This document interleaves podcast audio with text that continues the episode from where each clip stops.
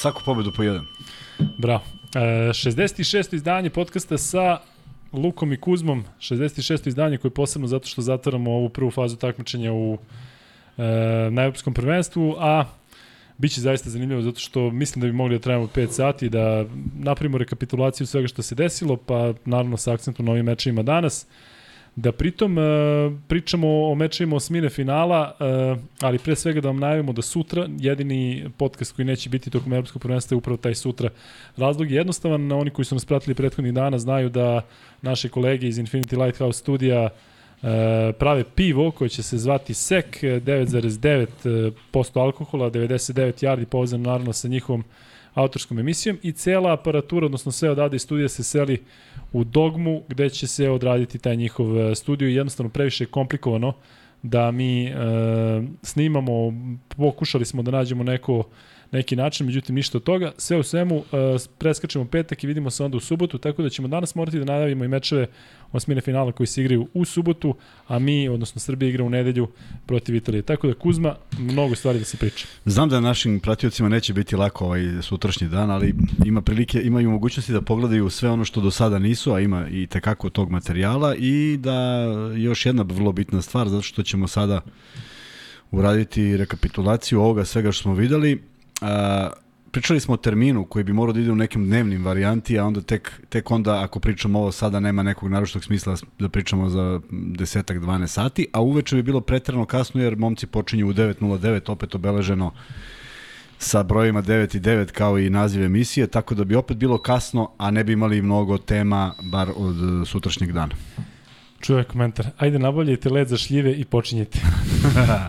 da, 65. podcast je bio e, poseban zato što je bilo dosta priče i bilo onako prilično tenzično, ali pitaju ovde ljudi da li smo se pomirili. Pa nismo se ni, ni, ni svađali u toj meri da se sad nešto mirimo. Dakle, jedna, reklo bi se onako, rasprava gde se svako držao svog ćoška, svog ugla i svega, ali bilo je zanimljivo na ovim društvenim mrežama, ti tako si pravio je, tako komentare. Je, to je fantastično bilo zato što su ljudi reagovali, jedni branili mene, drugi branili tebe, neki bili najumereniji, ali je vrlo bitno da samo, ovaj, kažem da jednostavno to nam je bilo potrebno u smislu te neke interakcije i tog, tog još još većeg nekog razmenjivanja poruka zato što je vrlo interesantno kako ljudi ovo sagledavaju, a meni je, meni je u suštini drago što a, postoje ljudi koji vide da je ovo bila razmena mišljenja, ništa više od toga i kao što sediš sa prijateljem i najboljim prijateljem pa sediš negde pa nemaš isto mišljenje o nečemu, to ne znači da ne možemo da zadržimo to mišljenje i meni je vrlo drago što sam pročitao mnogo poruka i u jednom i u drugom i u trećem pravcu i to govori da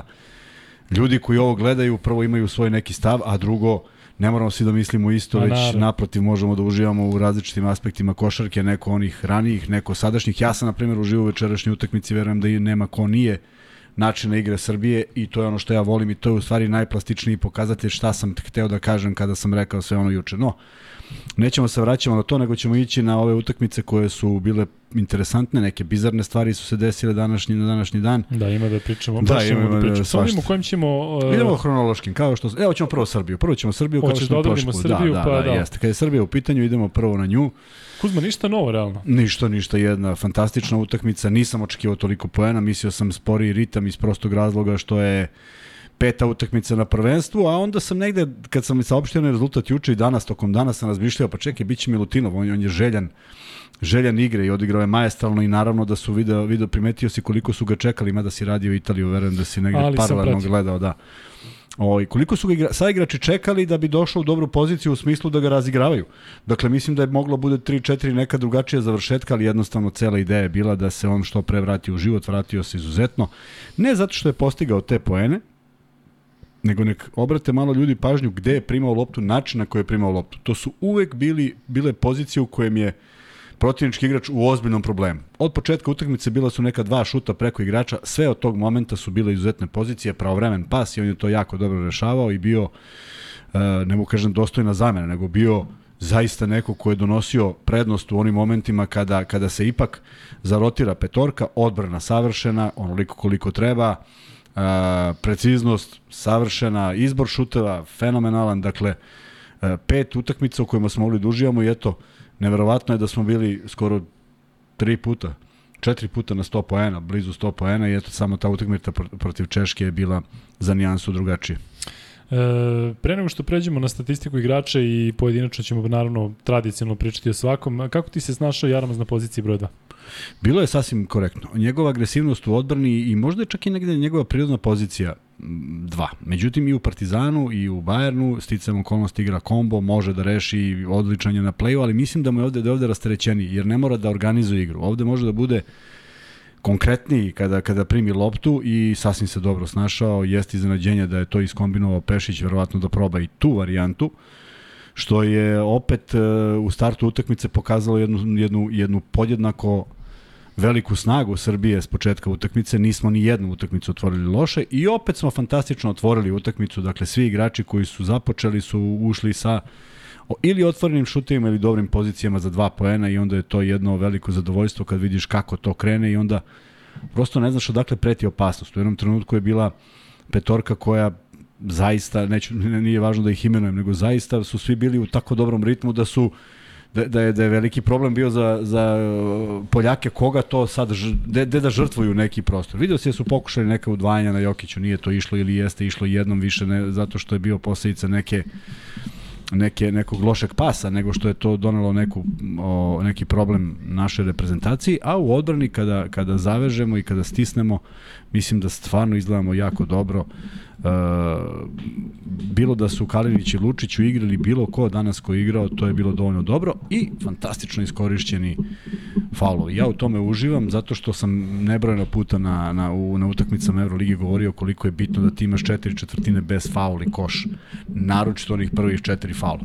Danas smo to pokazali u jednom savršenom obliku. I baš delo da napredujemo iz utakmice u utakmicu oko tih nekih grešaka koje smo pravili. Neki sitnica koje, tako je, neki detalji koji čine utakmicu. Jer koliko god to nekom delovalo kao je napravio faulove, pa napravio bi svako, ne bi svako, zato što smo pričali o takvim propustima, nego naprotiv, svi su fokusirani da ne dozvole bilo kakav, bilo kakvo ispadanje iz odbrane je momentalno bio faul, što je fenomenalno. Što sad Kuriđa nekom da dokazuje da može da igra sa playmakerom? Ma, čemu to služi? Vratimo se svako na svog i odigramo dovoljno jaku odbranu da odbranimo. Prema tome, sve iskorišćeno kako treba, procenat šuta visok, svi igrači igrali, svi igrači, Maltena, ja mislim možda Ristić nije dao koš, ali još jedna, jedna utakmica u kojoj smo pokazali dominantnost, što naravno, odmah da se ogradim, ne znači ništa za sledeću fazu i uopšte ne želim da pričam kako je ovo dovoljno, naprotiv, nama je svaka sledeća utakmica i znam kako razmišljaju pogotovo treneri starog kola da je svaka sledeća utakmica priča za sebe i samo se priča o toj utakmici i nas ne čeka lak posao. To što mi imamo mišljenje koje imamo o reprezentaciji Italije, to ne znači da nemaju potencijal koji nas je koštao Ma kakvi, ja kada se govori da Kanta ekipa, ljudi to ovde vidim da konstantno pričaju, dakle danas protiv Britanaca koji apsolutno nisu bilo kako merilo ičega, ali ono je tim koji, koji ima nekoliko, baš onako dobrih iskusnih igrača, ima, ima nekoliko skora. Fontekio se tu izdvojio kao lider, ali ajde ima, ima, ima vremena za Italiju i pričat ćemo posebno, pa čak i ako treba i malo i o tom meču protiv Velike Britanije. Ali što se tiče Srbije, ajde da te pitam sada opšte pre mesec dana kada smo imali onu situaciju sa Teodosićem, kada je bilo dakle potpuno nekih drugih e, situacija, kada smo imali toliko uh, povreda u ekipi. Da li si očekivao da ćemo da ovako iz utakmice u utakmicu rastemo, da dobijemo ona dva meča u, u kvalifikacijama za, za svetsko prvenstvo i da ovako počistimo sve u grupi? Meni, meni deluje neverovatno da su se tako brzo uigrali, da su se tako brzo složile kockice. A, mislim da, je, da razlog u tome leži što su kako god se bio, kako god se desio taj moment, ja nisam ni jednog trenutka, ni kroz medije, ni kroz bilo čiju reakciju video da su se igrači opredelili za bilo kakvu stranu. Dakle, uopšte mi nije delovalo, jer na onoj proslavi gde se Teodosić oprašta, tu su svi igrači. Možemo da ih skoro vidimo sve u kadru. Ali nisam čuo ni jednu izjavu, niti sam primetio bilo kakav kakvu lošu reakciju prema Pešiću ili bilo kome iz stručnog štaba u periodu kada su još trajale te pripreme i sve to i kada su započele utakmice. I sada kada vratimo film i pogledamo te utakmice koje je Srbija igrala, mi imamo jedno loše polovreme. I to je baš utakmica protiv Italije u, na, na turniru u Nemačkoj, gde smo dozvolili da nas prebiju i da nismo bili ono što smo, što smo sada. Ali to drugo polovreme je bio recept kako mi treba da izgledamo i neverovatno je ovo što ti sad kažeš, kako se to poklopilo da to baš krene iz utakmice u utakmicu da traje, jer mi možemo da kažemo da smo imali relativno laku grupu na evropskom prvenstvu, ali pobediti u jednoj fazi uigravanja ekipe pobediti Grčku i Tursku, to je za svaki respekt. Šta god, kako god oni sad pokazivali svoju snagu ovde, nevažno. Dakle, mi smo pobedili dve vrlo bitne utakmice i iz toga izrasli. I onda sam danas imao priliku da pričam za Novo S i, i to mi je prošlo kroz glavu. Imamo bar 3-4 igrača u, u, u petorci kojima je uloga u reprezentaciji ono što im je uloga u svojim timovima. Znači, računam Vasu i Jokića koji su koš geteri u svojim timovima, ali Kalinić i Lučić nisu igrači od kojih zavisi ishod utakmice. Da, od angažovanja Kalinića da, od angažovanja Lučića da, ali ne da li su oni dali 30 poena. I onda kad se neki tako mozgovi sklope i shvate da igraju sa jednim od najboljih igrača na svetu, de facto i dokazano sa onom potvrdicom MVP najboljim, kad imaju sa sobom playmakera s kojim, koji samo slučajno nije u NBA ligi, u smislu nije izabrao je da ne ide, onda rasteš i kroz to i želiš da budeš što bolje. Ne želiš da imaš sad neku ulogu igrača koji je rešio da sav fokus prebaci na sebe. Znaš kako bi to nenormalno izgledalo u jednoj ovakvoj ekipi. Dakle, svi su prihvatili da igraju sa čovekom koji može da, da im pomogne da, da budu bolji. I ja nisam video u pet utakmica ni jedan moment da je neko bio u boljoj poziciji, a da naš igrač nije dodao tu loptu, ma koliko on bio uh, precizan u toj utakmici, jednostavno tražilo se to neko rešenje koje donosi rezultat, u, po mom ličnom ubeđenju donosi rezultat i lepotu u igri. Uh, tako da, jeste čudno, jer je kratak period, a s druge strane poklopilo se sve što je trebalo. Vidim koliko ima sad nekih onih majmova, što ja zovem majm, onih mimova sa... Kako god, i sad i naši pratioci se zovu majm i ostalo, ali ovaj, koliko imam imova sa Kuriđom, ali ja se zaista nadam da ljudi vide koliki on doprinos donosi u utakmici kad treba kad treba stati na loptu, kad treba napraviti nešto što, što neko ne voli da radi, neki prljav posao, da pogledamo koliko Gudurić igra agresivnu odbranu i radi prljav posao, da pogledamo Jarama s kakvu odbranu igra i svestan je da može da napravi faul. Ko je taj koji, koji, koji se nekom nije dopao u zalaganju? Ja mislim da sad anketu da napravimo, ja mislim da ne postoji niko. Kome, ko se kome dopada kako igra, to je već neka druga priča. Ali jedan tim od 12 igrača mora da ima jedno i drugo. Jer ako ima samo 12 korera, pa mislim, svi znamo da to ovaj, neće doneti rezultat. Prema tome, Uh, uh, da, apsolutno niko ne ispada iz tima na bilo koji način. Tako je. I sad zamisli kad imaš trenera koji ima dovoljno iskustva i želim da verujem da je on njih ne opustio da mogu da rade šta god hoće, nego naprotiv, da im je dao dovoljno poverenja, ali im je očigledno usadio nešto šta je bitno raditi. I opet pominjem, uh, smirenost Kalinića, koji, koji nije bio tako smiren u Zvezde, on je bio jedan čovek koji, od, koji je znao da od njega, njegova smirenost i njegova igra govori koliko se on osjeća komfortno i koliko mu je sve jednostavno da igra. Nema tenzije, nema ničega, radi sve što treba. Bilo je dva pasa loša danas na utakmici da sam ih zapamtio. Verovatno smo opet ispod 5-6 lopti izgubljenih u prvom polovremenu. Mnogo dobrih stvari radimo. E, sad dolazi onaj moment, nekada nije bilo osmine finala, sada postoji osmina finala, dakle ima tri prepreke do nekog željenog cilja, a stvarno mislim da nam je cilj sa ovom igrom i sa ovim što smo pokazali uh, finale. I da jednom gledalcu, ja ne znam ko je sad tečno postoji, da ne zamerite toliko imena i toliko je poruka, ali je rekao jednu lepu stvar, i to ome smo pričali, ali dajde ponovo da spomenemo. Koliko, kako, kako izgleda kad imamo ipak četiri utakmice koje neće ličiti ni na jednu narednu. Nismo imali takve protivnike. Opet verujem da smo delovali dovoljno impresivno, dovoljno uh, uh, m, m, jako da ne razmišljamo ko je protivnik uh, s druge strane. Dakle, uh, ja sam duboko ubeđen da smo igrali ovako kako smo igrali, da, ima boljih ekipa, ali ne bih nikad dovodio našu sigurnost u pitanje. Ne bi bilo 30, ali bi bilo 10 ili 15, tako mi deluje.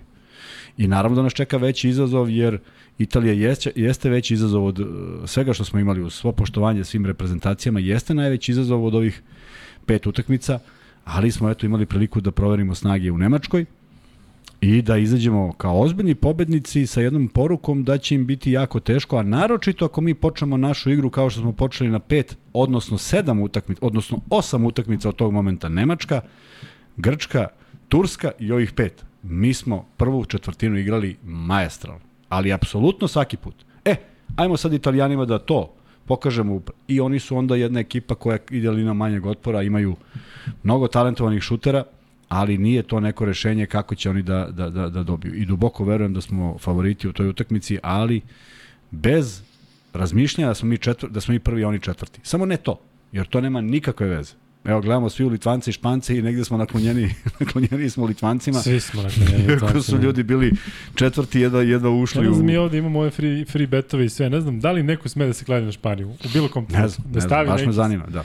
E, Kuzma, ja mislim da je danas bio, digresija mala, jedan od najsadržajnijih dana možda ikada. Dakle, Jeste. imali smo E, naravno, mi se bavimo košarkom, ali i Zvezda i Partizan su igrali futbal.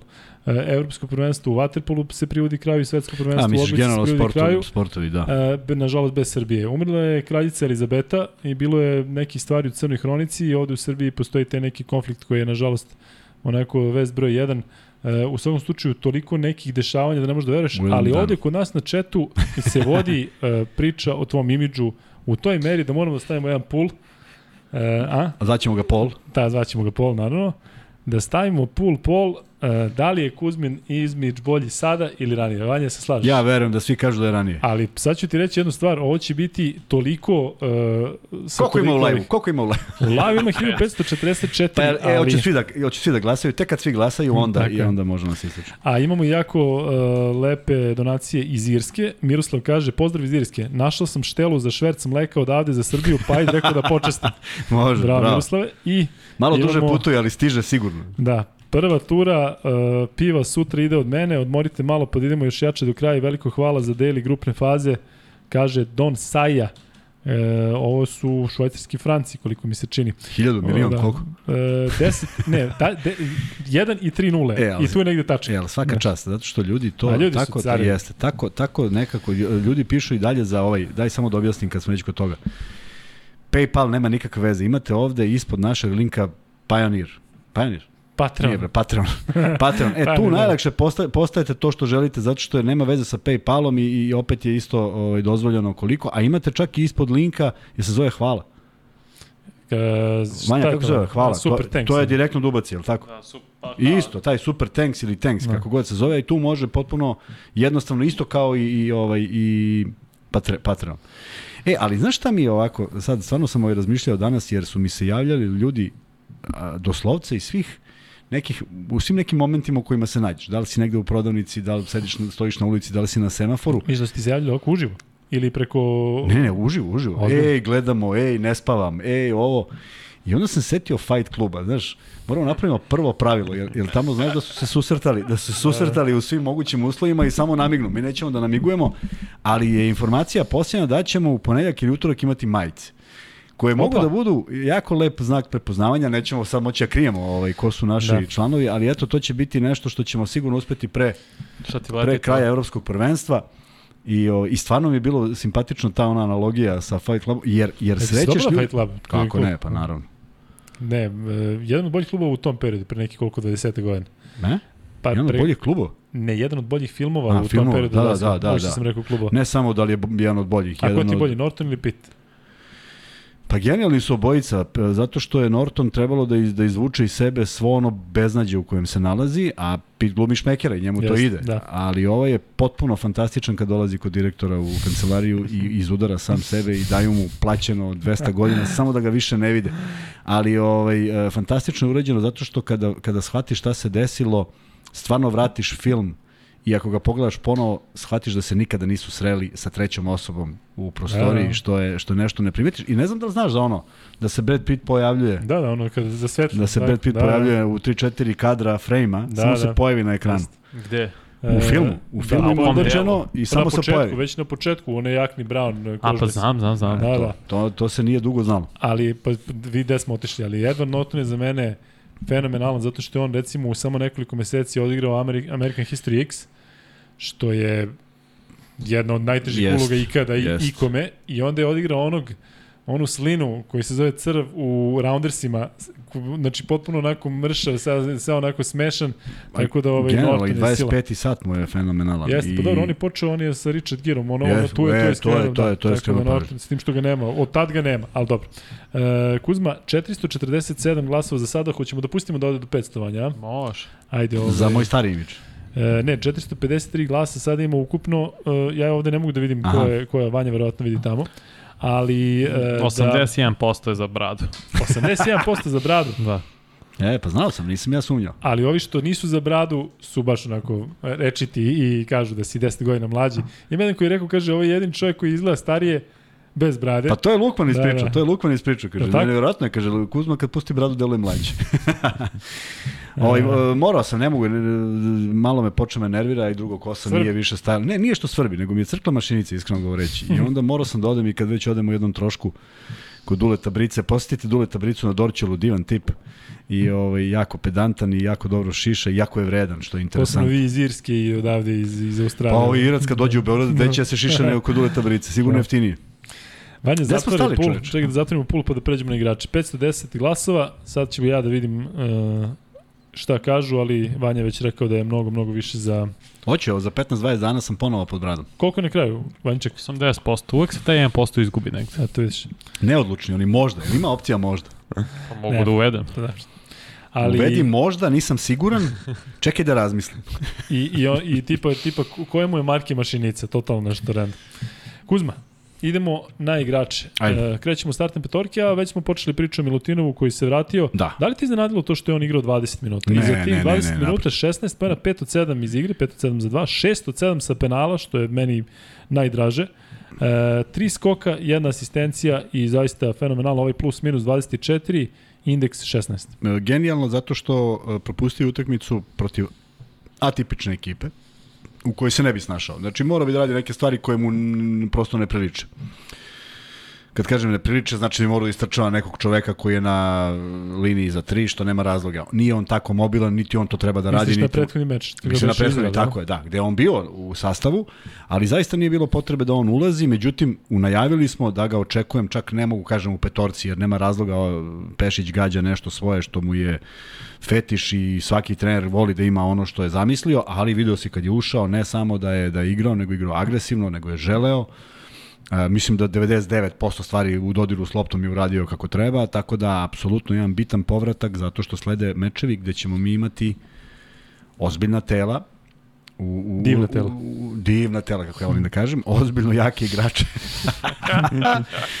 ozbiljno jake igrače u reketu i bit će potrebno da se cepamo s njima. Cepaće se svi, cepaće se i Ristić ako bude bilo potrebno, cepaće i Kuriđa. Misliš da će Ristić da dobije... Kažem ako bude bilo potrebno. Ne vidim ga više u rotaciji u nekim utakmicama gde će Jokić morati da prenese minutažu malo veću, ali vidim, vidim od svakog od njih vidim ulogu za ono što je potrebno. Mnogo mi je drago što je Dejan Davidovac odigrao jednu dobru partiju i naravno do njega, da. napravili su majmi o njemu i poslije ti prepričati kako izgleda, ne moram baš da ga, da ga slikam.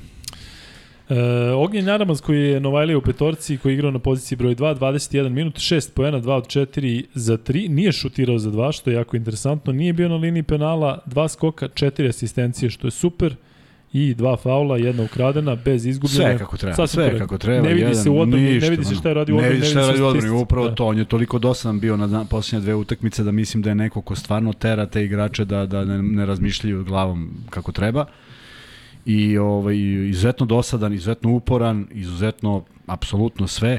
Samo, eto, možda mu više prija ta pozicija, ali mi smo u deficitu sa playmakerima, moraće da izgura i ovo prvenstvo i možda se nekada desi da on bude taj igrač koji, koji igra sa manje driblinga, jer, jer mislim da mu je lakše.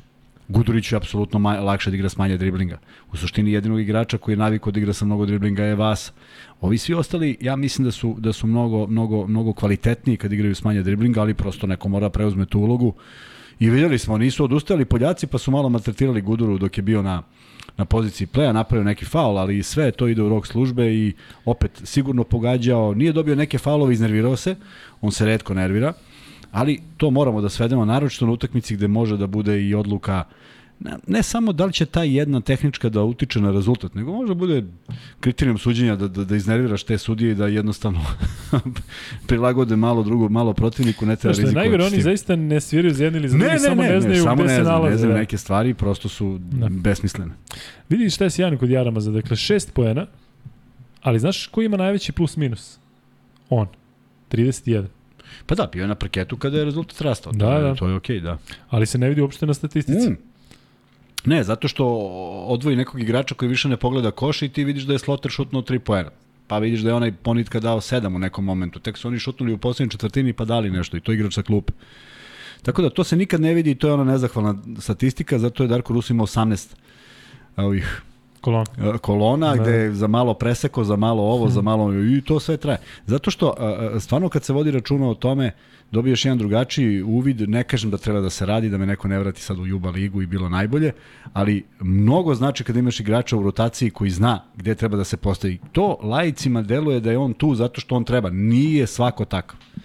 I imamo srećnu okolnost da imamo pet igrača uvek na parketu koji misle e, e, o, o dobrobiti tima. Ne štede se da naprave faul, tu su gde treba da budu, ne ispadaju iz odbrane. Ja mislim da danas dva ili tri momenta da je negde neki nesporazum bio u odbrani da mi nismo odreagovali kako treba. Sve ostalo izuzetno dobro. Hvala za donaciju Dina Se, koji kaže polufinala Grčka vs. Italija, Srbija vs. Slovenija, vidjet ćemo, daleko smo još od toga. E, idemo dalje sa igračima i naravno e, ide tandem Kalinić-Lučić. Kalinić danas 11 pojena za 20 minuta, 4 od 7 iz igre, 1 od 2 za 2, 3 od 5 za 3, 0 od 1 sa penala, imao je jedan skok, jednu asistenciju, jednu izgubljenu, tri ukradene i klasični Kalinić, je tako? Tako je. I 20 minuta za razliku od onih prethodnih utakmica da je malo povukao on minutažom, sad je odmorio, imao je ko da ga zameni i sve to izgledalo jako dobro i negde sad je još jedna jedna sličica, neka dvojica koji liče, pa su napisali Kalinić Mislim, ne znam da li si video, dva tamnoputa čoveka, ne znam šta su, ali Kalinić, Kalinić i, ovaj, i Lučić. Kao toliko liče i toliko je e, na parketu kad Da, da, da. izgledaju sve nekako jednostavnije i mogu igraju dve pozicije, tako da uh, uvek, uvek ih uparimo i sad bi trebalo da ih uparimo, bez obzira, ne znam koliko je Lučić postigao poena, ali Evo stižemo do njega, Lučić je dao 4 poena. ma da, i odradio nenormalan posao, to kažem ljudi Da, ne ali vide. pazi, 2 od 3 iz igre, dakle on Tako čovjek ne šutira. pa to kažem, pa za 3, nema, nema razloga da šutira. 2. On uzima šuteve koji su Tako je. njemu, njemu, za njega i to je, Kalinić i Lučić imaju isti e, plus minus 11. eto, odlično. I dolazimo naravno do Nikola Jokića koji za 17 minuta uspeo da dođe do indeksa 23, evo i kako, 19 pojena, 7 od 8 iz igre, 6 od 7 za 2, 1 od 1 za 3, 4 od 4 sa penala, 5 skokova, jedna asistencija. Da, Vasa Dva je bio zadužen za asistencije, više lopta bila kod njega, on je dobio- loptu u dobrim pozicijama, viš koliko je sa kojom sigurnošćem je reagovao, par kontranapada je istrčao, uzeo trojku u onoj poslednjoj desetinki, kada je Kuriđa već mogao da šutne, video ga, fenomenalan potez. Zato kažem, svi oni, do, e, e, samo se na utakmici, po, pretposlednjoj utakmici, ko, pred koga smo igrali? Peti bog. Ne, sad čekaj, stao mi mozak, ali juče, s kim smo igrali? Prekjuče. Izrael. Pa- Sa Izraelom, e, jeste. Samo se na toj utakmici desilo da dva puta nismo šutnuli na koš. Ja mislim da ne, nema ni jedna druga utakmica da smo mi negde podbacili. Sad nemoj neko da gleda i da kaže pogrešio si jeste jednom, pošto je nevažno u celoj priči, nego hoću da kažem, jako se vodi računa o vremenu. I imamo, pričam ti onoj prvoj utakmici kada kada asistencija od uh, Micića do Kalinića i istrčava u ćošak i traži. I logično je da je dobije, jer ga niko više ne prati. Ali Kalinić gleda semafor i vidi da je sekunda. Nema više vremena za pas, diže, diže se i daje trojku. Tako da smo, koliko god je moguće, koristili sve te sekunde u napadu. Znaš koliko deprimira kad primiš košu u 24. sekundi jednom, pa drugi put, pa treći put, a onda imaš igrača protiv kojeg ne možeš ništa, pa si ga još dva puta poslao na penal, na, na out sa strane, posle 20 sekundi, znači ti si dobrih nekoliko minuta u odbrani i malo, malo utuži i malo optereti. Prema tome, i dalje mislim da je ovo recept kako treba da idemo i da igramo tako smireno, a kad možemo da ubrzamo, zašto da ne? Kuzma, daj malo Jokiću. Da li, da li, da li smo svesni kakvo zlato imamo i kakvog, Ne, ne. kakvog čovjeka imamo? Ne, Zato što ja gledam njegovu statistiku i gledam ga na terenu i to zaista, sad, sad nas je navikao na to. Ali e, ovo kad nikada promaši dva ranije nije puta? viđen. Ne, pazi, čovjek, čovjek šutira, e, evo sad ću da kliknem da vidim, e, dakle on konstantno ima jedan od jedan za tri. Dakle, on promaši jednom ili dva puta, on, kažem, ne, ne, deluje nestvarno. I, e, a što je najčudnije i najneverovatnije, meni deluje da on ima još jedno 30-40% da može da igra bolje od ovoga. Danas je imao, dakle, više pojena E. nego minuta i kažem, mislim da nismo svesni, ko što smo pričali za Đokovića, ko što smo pričali za ne znam šta, mislim da nismo svesni šta imamo na stranu, to što je MVP, sve to super, ali ovo što on radi, kažem, čini košaku e, fantastično. Potpuno si u pravu, ja moram samo se zahvalim Miroslavu koji je naš novi patron, 30 nok, nok su verovatno norveške krune, a? E, verovatno, a? A? Nok. Svakako, da. Miroslave, hvala. Ću mu odgovoriti da ne pišem sada kao što i uvek odgovorim. E, vidi, a, opet se vraćam malo na jučerašnji dan, samo iz jednog razloga, da, da, da, da, da, da, da, da vidimo koliko Jokić jednostavno igra i koliko ne želi da bude u centru pažnje ako ne mora. I ne troši suviše lopti ako ne mora. I uživa u svakom pasu koji doda i ja mislim da je on od prvog dana pokazuje da je apsolutno zadovoljan i apsolutno statusom koji mora da ima i da on ne traži više. On se stvarno igra na neki način, zabavlja fenomenalno, razigrava bez ikakvog razmišljanja, ko- ja mislim da on nema u glavi ko da koliko poena, niti ga to zanima, i igra u tim brojima u kojima igra jer je sposoban to da radi. Zaista deluje uh, deprimirajuće kada shvatiš kada neko ko je dao sav svoj trud, a ima dva, tri centra i ne znam šta su sve radili, i vidiš mu statistiku. A pazi, ja, taj, ja, ja sam ubeđen da taj ima osjećaj da je nešto, nešto ozbiljno uradio. E, igra jednostavno, igra na mali broj šutnutih lopti, nije bilo tu nikakvih problema, rešio je slobodna bacanja koje su možda i bila naj, najvidljiviji, ako mogu da kažem, problem, jer nismo navikli da promašuje slobodna bacanja, ali sve ostalo i defanzivno i ofanzivno radi apsolutno savršeno i podređen samo jednom cilju, a to je da Srbija bude prva i verujem da ako neko ne isprovocira naše igrače, ako ne nasednemo na neku provokaciju što italijani mogu da rade i setimo se ono Rajko Žižić, Moka Slavnić skakanje na 100 protiv Dina Menegina i ostalih. Dakle, Makaze ima negde tradicija da. Makaze, zgrabio Moka, ima nekih tih tu tradicija među, među Mislim da je dve Menegin makaze uzeo. reprezentacije. Mislim da je Moka, Pla- praja nešto ž- od Žiža Da, da svi su dali ovde Meneginu makaze kao... Kad je došao, da, da, a? pa nije znao šta je. U svakom slučaju bio je cirkus koji je uvek negde postojao i uvek smo ih, sa, uvek smo ih savladali sportski i na terenu, i, i, i, ali treba biti oprezan i ovu utakmicu primiti kao prvu finalnu utakmicu na ovom prvenstvu.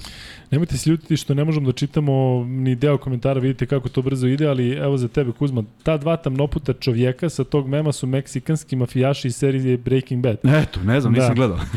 Dobro I evo sad drugi kaže, nije što ta dva tamnoputa čovjeka liče, nego što su to hladnokrvne ubice iz popularne A, serije. e, dobro, nisam znao. Meni je bilo Da. dovoljno što su isti, pa uvek kada Da. kažemo Kalinići, pošto ih uvek stavljamo u isti koš. Ali Da. eto, dobro. I Ako su ovo. hladnokrvni, još bolje. Slušaj ovaj komentar. Ima li ovde nekih riba ili je pederbal? Pa mislim da je pederbal. Tako Pederbal, da, ali ima ovaj, onaj što će se javi uskoro, pa neka ga zaprati tamo. Tako je, tako je, da. E, da dođemo, odnosno došli smo do Vase Micića, pomenuo si njegovih devet asistencija, što mene iskreno više raduje nego ovih, e, sad ćemo da imamo koliko je poena dao. Dakle, Vasilij Micić 25 minuta, 12 poena, odličan šut iz igre 5 od 8, 3 od 5 za 2, 2 od 3 za 3, 4 skoka, 9 asistencija, dve izgubljene, jedna ukradena, 25 plus minus, 21 indeks. Taman kako treba za vas. genijalno, iako je utakmica delovala atipično za njega, kaže 2 dva, dva pet je bilo, dva poena i pet asistencija, što dovoljno govori kod koga je bila lopta, što dovoljno govori da ne mogu onda svi da asistiraju, a mislim da smo imali jedno jedan ili dva promašaja u tom periodu ukupno, prema tome izuzetan učinak, kasnije je to došlo na svoje i košgetarski, m, jako lep učinak u smislu i minutaže koji je igrao i svega što je bilo potrebno na terenu jedan od ljudi koji vodi ovu ekipu, jedan od ljudi koji takođe traži pravo rešenje, jedan od ljudi koji uh, u onom momentu kada ostaje udvojen traž, nalazi Milutinova za otvaranje utakmice gde Milutinov zakucava i opet na fantastičan način i on ulazi u utakmicu što je vrlo bitno za nekoga ko ulazi sa klupe. Znaš, nemaš tu sigurnost. Ako dođu dve, tri lopte, jedna ispadne, jedna isklizne, drugu šutneš, odbije se nezgodno od ti si u nekom potpuno drugom razmišljanju, a otvara utakmicu za kucavanjem i uh, uvodi, uvodi Srbiju u jedan dobar ritam. Prema tome, ja ne mislim da će nam faliti bilo kakvog a, nedostatka izbora najboljih najboljih pozicija. Dakle, mislim da smo vrlo nesebična ekipa. Mislim da ove asistencije koje, koje kada bi se poklopile sa još nekim koje nismo realizovali, bio bi to ozbiljan broj, čak i za one reprezentacije koje imaju približan broj asistencija, ali mislim da smo a, zaista poštujemo jedni druge, ne brzamo i poštujemo loptu, a sad moram jednu digresiju, iako ćemo doći do te utakmice, ali prosto moram ko je gledao Izrael i Češku. I Izrael je učinio sve da dođe na interesantnu utakmicu i došli su na četiri razlike ili pet. I onda jedan neverovatan moment, zašto ovo pričam, zato što ako svako ko je gledao može da zna o čemu pričam, Madar je krenuo u svoju akciju. Ja ne mogu ti objasnim koliko je to bilo teško, kakva je odbrana bila na njemu. I on se lomio i desno, i levo, i desno, i levo, i na kraju izvuko nekim step backom loptu Ja mislim posljednjim atomom snage šutnuo preko čoveka koji je skočio i pogodio trojku. Pogodio trojku. Dakle, je znaš šta se desilo kad je preseko loptu u odbrani? Dodao je pas Avdiji koji je želeo sada da izjednači i šutnuo sa 9 metara. U, u, svi su u tranziciji, još niko nije prešao pola. E, to je, to je to što mi nemamo. Nemamo nepoštovanje tog čoveka koji je dao koš u, ozbiljnom naporu, I presekalo. preseko loptu, I dao dodao ti ti loptu, da. da bi malo bre odmorio verovatno jer mu utužilo i ti je šutneš bez obzira šta ja mislim da je ta, koliko je talentovan Deni, govorimo o poštovanju svog saigrača. En je pao na nos. Neki drugi igrač bi možda i pao, stvarno fizički, ali ovo je živo. I kako šutneš? E, Madar je u tom trenutku zastao i kad je video šutnutu loptu, pogledao ga je, nije dobio nikakav odgovor, ali tu leži razlog zašto se nisu vratili u igru. Jer možda su ta neka sigurnija dva poena u, u, uvod Češke u problem. Zašto sam ovo sve ispričao? Zato što mi nemamo to, zato što vidimo bolju poziciju igrača, zato što nesebično dodamo loptu i zato što nam je sve jedno šta će piše na kraju. To je najlepše rekao Vanja Marinković. Zadatak, da šutnem i da pogodim, kad pogodim super, jel tako, i da cepam odbranu. I to je to. Apropo toga, evo jednog komentara koji će ti se dopasti. Razlika između Dončića i Jokića je ta što Jokara ne može da podbaci jer sa ovom igrom ne može da ima 10 promašaja kao Luka. I tačno je. Jo, E tako, naravno, Jokić, bliže je Jokić ne košu, može da ima to stoji. 7 od 17. Slažem Zato se. što će bilo onda bi- stane posle 3 Tako od je, 7 i da traži drugo rešenje. Tako je, nalazi neko drugo rešenje. Da. Sve to stoji. I, I- ajde. A ne, reci, reci. E, zato što imamo ovo da što si mi danas poslao da prokomentarišemo, nema veze sa ovim što pričamo. Imaš još nešto novo, Dončić Jokić? Imam Dončić Jokić, dakle, još jednom, radi se o vanserijskim igračima. Dončić, sad pri- pričao sam o Jokiću, ali Dončić je zaista fascinantan. Ja kad sam juče ovo rekao, ne omalovažavanje, ne bilo šta da ja sad nekom objašnjam, nego jednostavno činjenica da je ovo danas, i to je odlično što se desila utakmica, nisam, nisam juče imao uopšte eto, uh, ideju da to spomenem.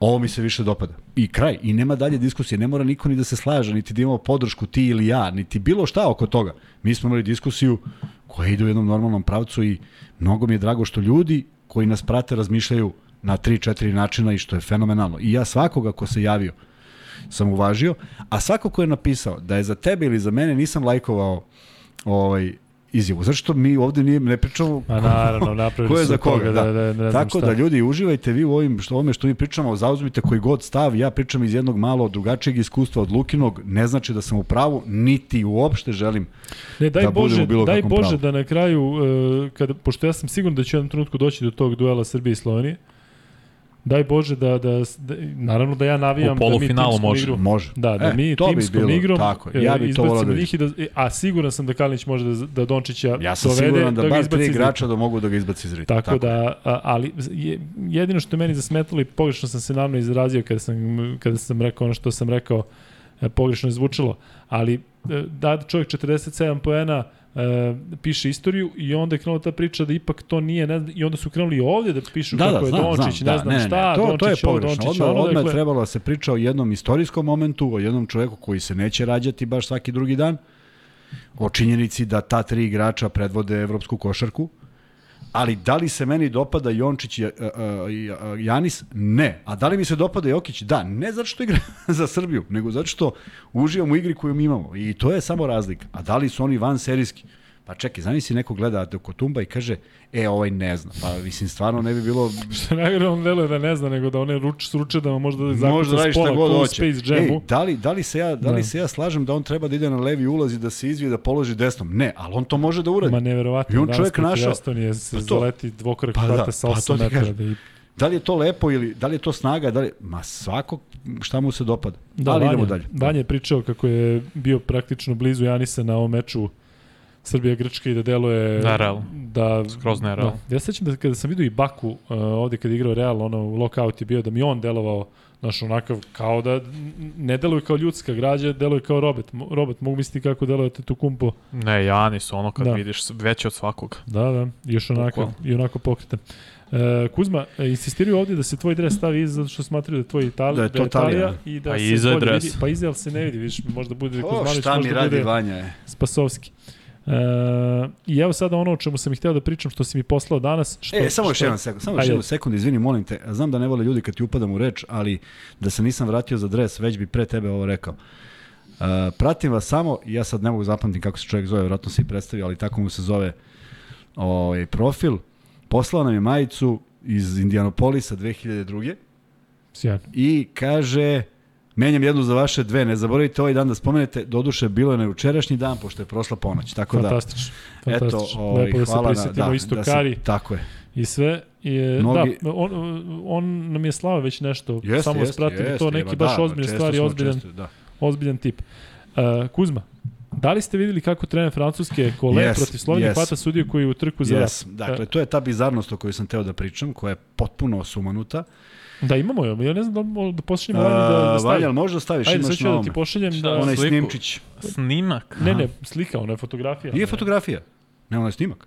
Meni si, meni si ti poslao screenshot. Ma jog. A ne mogu Screenshot. snimak. dobro, nema veze. Ne mogu, Imaju to- ljudi da nađu na Twitteru. U svakom slučaju, Copyright pravo, ne smem. Aha, u svakom slučaju dešava se da sudija trči pored out linije i Vincent kolega hvata nekom kragnom, da li da se ovaj ne povredi, da li nešto, otprilike onda se njemu sudija, tako mi delo, izvinjava što ga je ovaj uhvatio i ja sad samo ne mogu da zamislim kontakt sudije s trenerom u bilo kom. Mogu je bude sudar, moglo je ovaj da se izmakne, mogu je da radi šta god hoće, ali mi deluje potpuno neverovatno da se niko nije osvrnuo na to.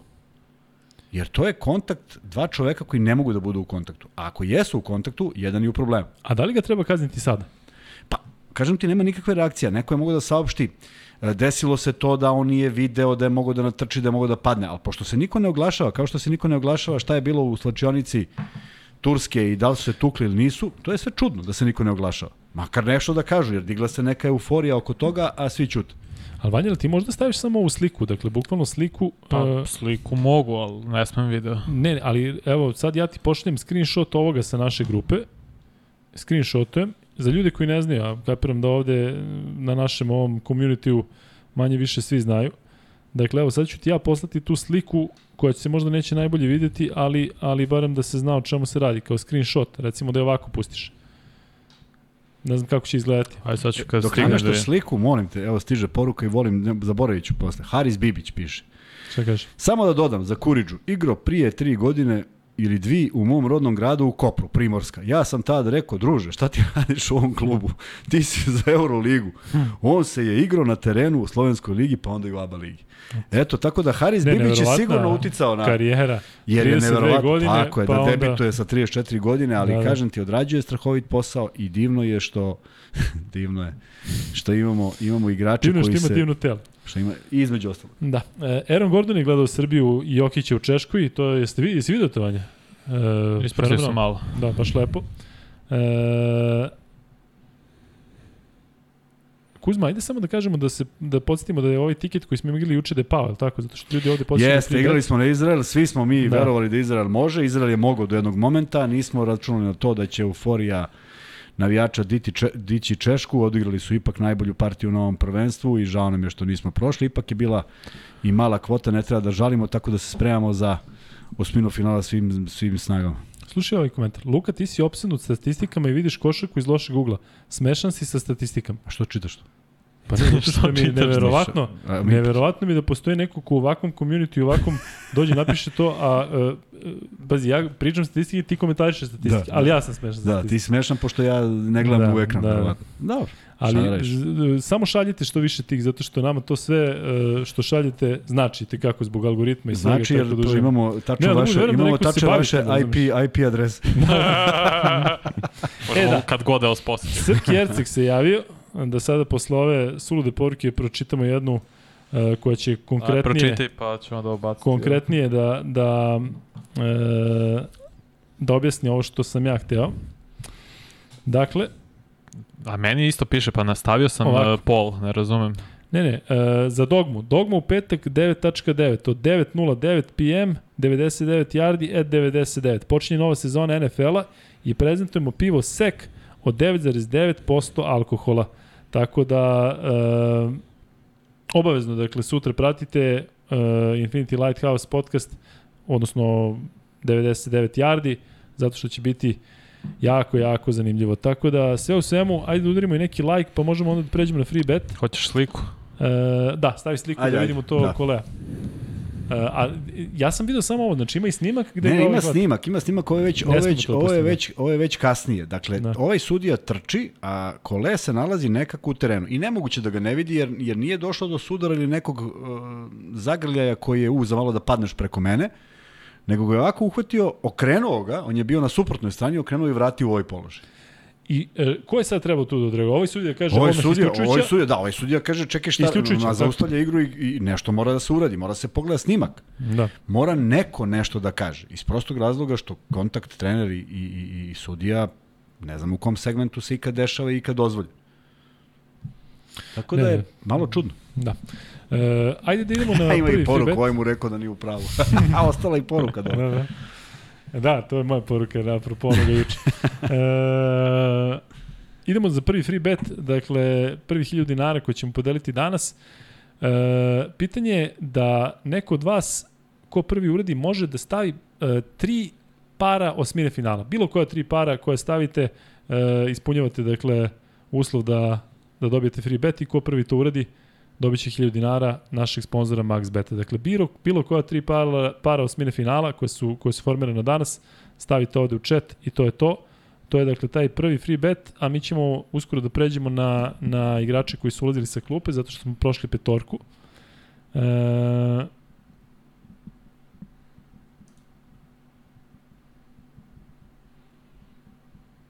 sad ćemo da vidimo. Ko će da odgovori prvi, sve kad krenu A, e, izlazi kaže, ovo. kaže, kaže Lazar Gojković, kaže na stranici Basket News, gde je slika, ima i video. Eto, Basket News mogu da pogledaju. Da. Eto, hvala, hvala Lazare. Dakle, trebaju nam tri para osmine finala. Slovenija, Belgija, Srbija, Italija, Crna Gora, Njemačka, RČ je odgovorio prvi i čestitamo ti, ti si dobio 1000 dinara, dakle RČ, šalješ na MaxBet, uh, šalješ na Instagram na Luka i Kuzma Koga si MaxBet zakinuo ID. sada? Koga si, koga si pokrao? Koga si krenu pokrao? Da. Ali pazi, evo imaš odgovore Srbija i Italija. To je odgovor ceo. E, Srbija, Španija, Slovenija. To je, to je isto odgovor. Čovjek je napisao da- Srbije tele pa enter, da, poka, To, da, da to. pošalje prvi par. Ali Rć je prvi odgovorio i prvi je tačno odgovorio. Tako da ovde Dobro. nećemo imati nikakav, nikakvu Možda, možda ludilo, nećemo da. imati. E, idemo dalje Ajmo sa dalje. igračima. Dakle, ono što se meni danas dopalo i krenuo bih od njega od igrača koji su ušli sa klupe, Marko Gudurić, 24 minuta, 15 pojena, 6 od 7 iz igre, 5 od 6 za 2, 1 od 1 za 3, 2 od 2 sa penala, delo da je namestio ruku, opet ovde neko piše, ja bih se složio ono što sam stigao da pogledam, da je propuštao neke otvorene šuteve. Tebi Jeste, tako? jeste, da, da, zato što su tražili, tražili par napada je bilo da se nešto drugo odigra, onda je uzeo trojku sa 45 stepeni sa leve napadačke strane i pogodio. Tako da čekalo se, čekalo se koju igri, čak su ovaj, zaista verujem da su želi da se svako i upiše, što je onako jedan, jedan lep gest kada neko uđe sa klupe, ali on je odigrao odlično. Kažem, manjih problema. Kad, mo, kad to kažem, ne mislim da je bilo šta loše odigrao, nego mislim da se ne snalazi na poziciji playa kad su i bili agresivni playmakeri. I tu je u stvari bio bio najveći njegov problem. Ovo sve ostalo majestralno, čak je promašio taj jedan ulaz koji je bio prelep, uh, pokazuje da je udaren pre, po glavi, ali samo da se ne nervira, jer njega redko zaista viđamo nervoznog, a mislim da su mu svirali neke stvari zbog Da, ja njega ne pamtim. Pa da, možda u Zvezdi par to. puta bio nešto... Jokić je reagovao za jedan faul koji nikad nisu vratili. Vratili su mu četiri puta šut za tri, ali nismo videli zbog čega je reagovao onaj nameran faul, tako da ne možemo da kažemo da li je bio ili nije bio. I kažem, sve, sve te greške koje, znaš kako, ne sad da uzmemo da gledamo utakmicu ponovo pa da analiziramo, ali kad samo prevrtiš film jedne utakmice i setiš se tri loša momenta, to znači da je ta utakmica bila fenomenalna. Shomeli Jones je postavio pitanje, ali time ćemo se baviti kasnije. Definitivno ćemo pričati o tome šta se desilo sa Bogdanovićem i sa Hrvatskom. Šomi kaže, ovo me baš zanima, pa moram da pitam. Šta mislite o potezu Hrvata koji namerno promašuje slobodno To da bi izbili da naš deo pričamo, kostura? To će biti posebna priča kada dođemo do tog meča. Ma tu je toliko neverovatno nešto što, što, što Ma, će... kažem ti, to biće posebna ono, tema za Sutra, razgovor. sutra vanredni Da. podcast. E, Marko Jagodić Kuriđa 25 minuta. 3 poena, 1 od 3 iz igre, 1 od 2 za 2, 0 od 1 za 3, 1 od 2 sa penala, 4 skoka, 2 asistencije, 2 faula, 1 Sve izgubljena, kolone, jel 2 tako? ukradene, 16 plus minus 8, uh, Sve kolone popunio 8 čovjek. indeks.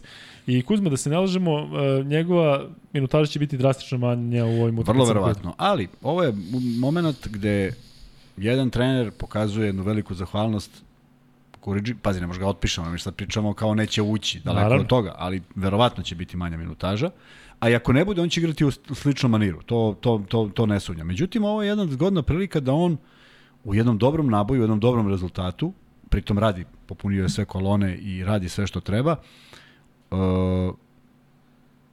bude na terenu i pomogne ekipi da se odmore neki igrači koji su možda preuzeli pre svega Jokić, koji su preuzeli neki veći zalogaj u, u ovom prethodnom periodu i odigra i tebi rezultat ne pada nego raste i prosto zašto da ga ne držiš? Nije se on umorio, nije se on premorio pa bio nešto 45 minuta, nego jednostavno a, dovoljno, dovoljno dobrih stvari je uradio da bi bio na parketu, zaslužio je to i meni je drago što je on toliko vremena proveo i ono što bi volao da ga nekad pitam, to je da li mu je svejedno što je dao 3, 5 ili 17 i ja mislim da je njemu potpuno svejedno jer njemu je ja mislim najveće zadovoljstvo bude deo te ekipe i da šta god uradi na terenu uradi za, za neki pomak, za neki kvalitet, za neki bolji rezultat i jako je, jako je lepo imati takvog igrača u ekipi. E, Aleksandar Stanić taman kaže Kuriđinu bacanje za loptu u aut na isteku našeg napada Da. za nacionalnu penziju. Pa da, pa da, pa da, naravno. Da, ali to je ne samo što ovako super kada se gleda, ja mislim da to ekipi daje nešto Pa neki kako ne, posebno. pa kada jedan ne. čovjek od 35 godina koji ipak ima sporednu Tako ulogu u je, reprezentaciji tako kada govorimo tako o toj tako tako. I on hoće svaku tu Tako loptu je. zadrži na terenu i da se Tako baci, pa to je to, vidi, ne može da ostavi nekog ravnodušnog. Ne može ovaj od 24 godine gleda i kaže vidi, vidi šta radi ovaj. Pa valjda imaš dovoljno ako si ako si među tih 12, pa valjda osjećaš neku solidarnost da se i ti baciš kad dođe moment. Čekaj samo da prebacimo. Idemo dalje. Bravo, Kuzma. E, Nikola, Vreme je bilo. I sad kreću samo, e, sad više niko le, ne lekuje, sad svi Ne. kreću da se pretplaćuju. E, Čekaj, nekoga smo propustili, dakle Milutinov, on je počeo a sa njim smo počeli. Jaramaz smo rekli, Micić smo rekli, Jokić smo rekli, Lučić smo rekli, Kalinić smo rekli.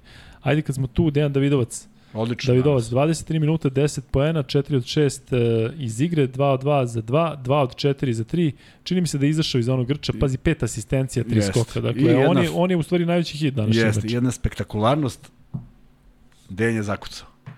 Odličan pas i on se podigao i zakucao. On je vrlo pragmatičan. Ja, ja mislim da je on neko ko kalkuliše o svemu, pa i u potrošnji snagi.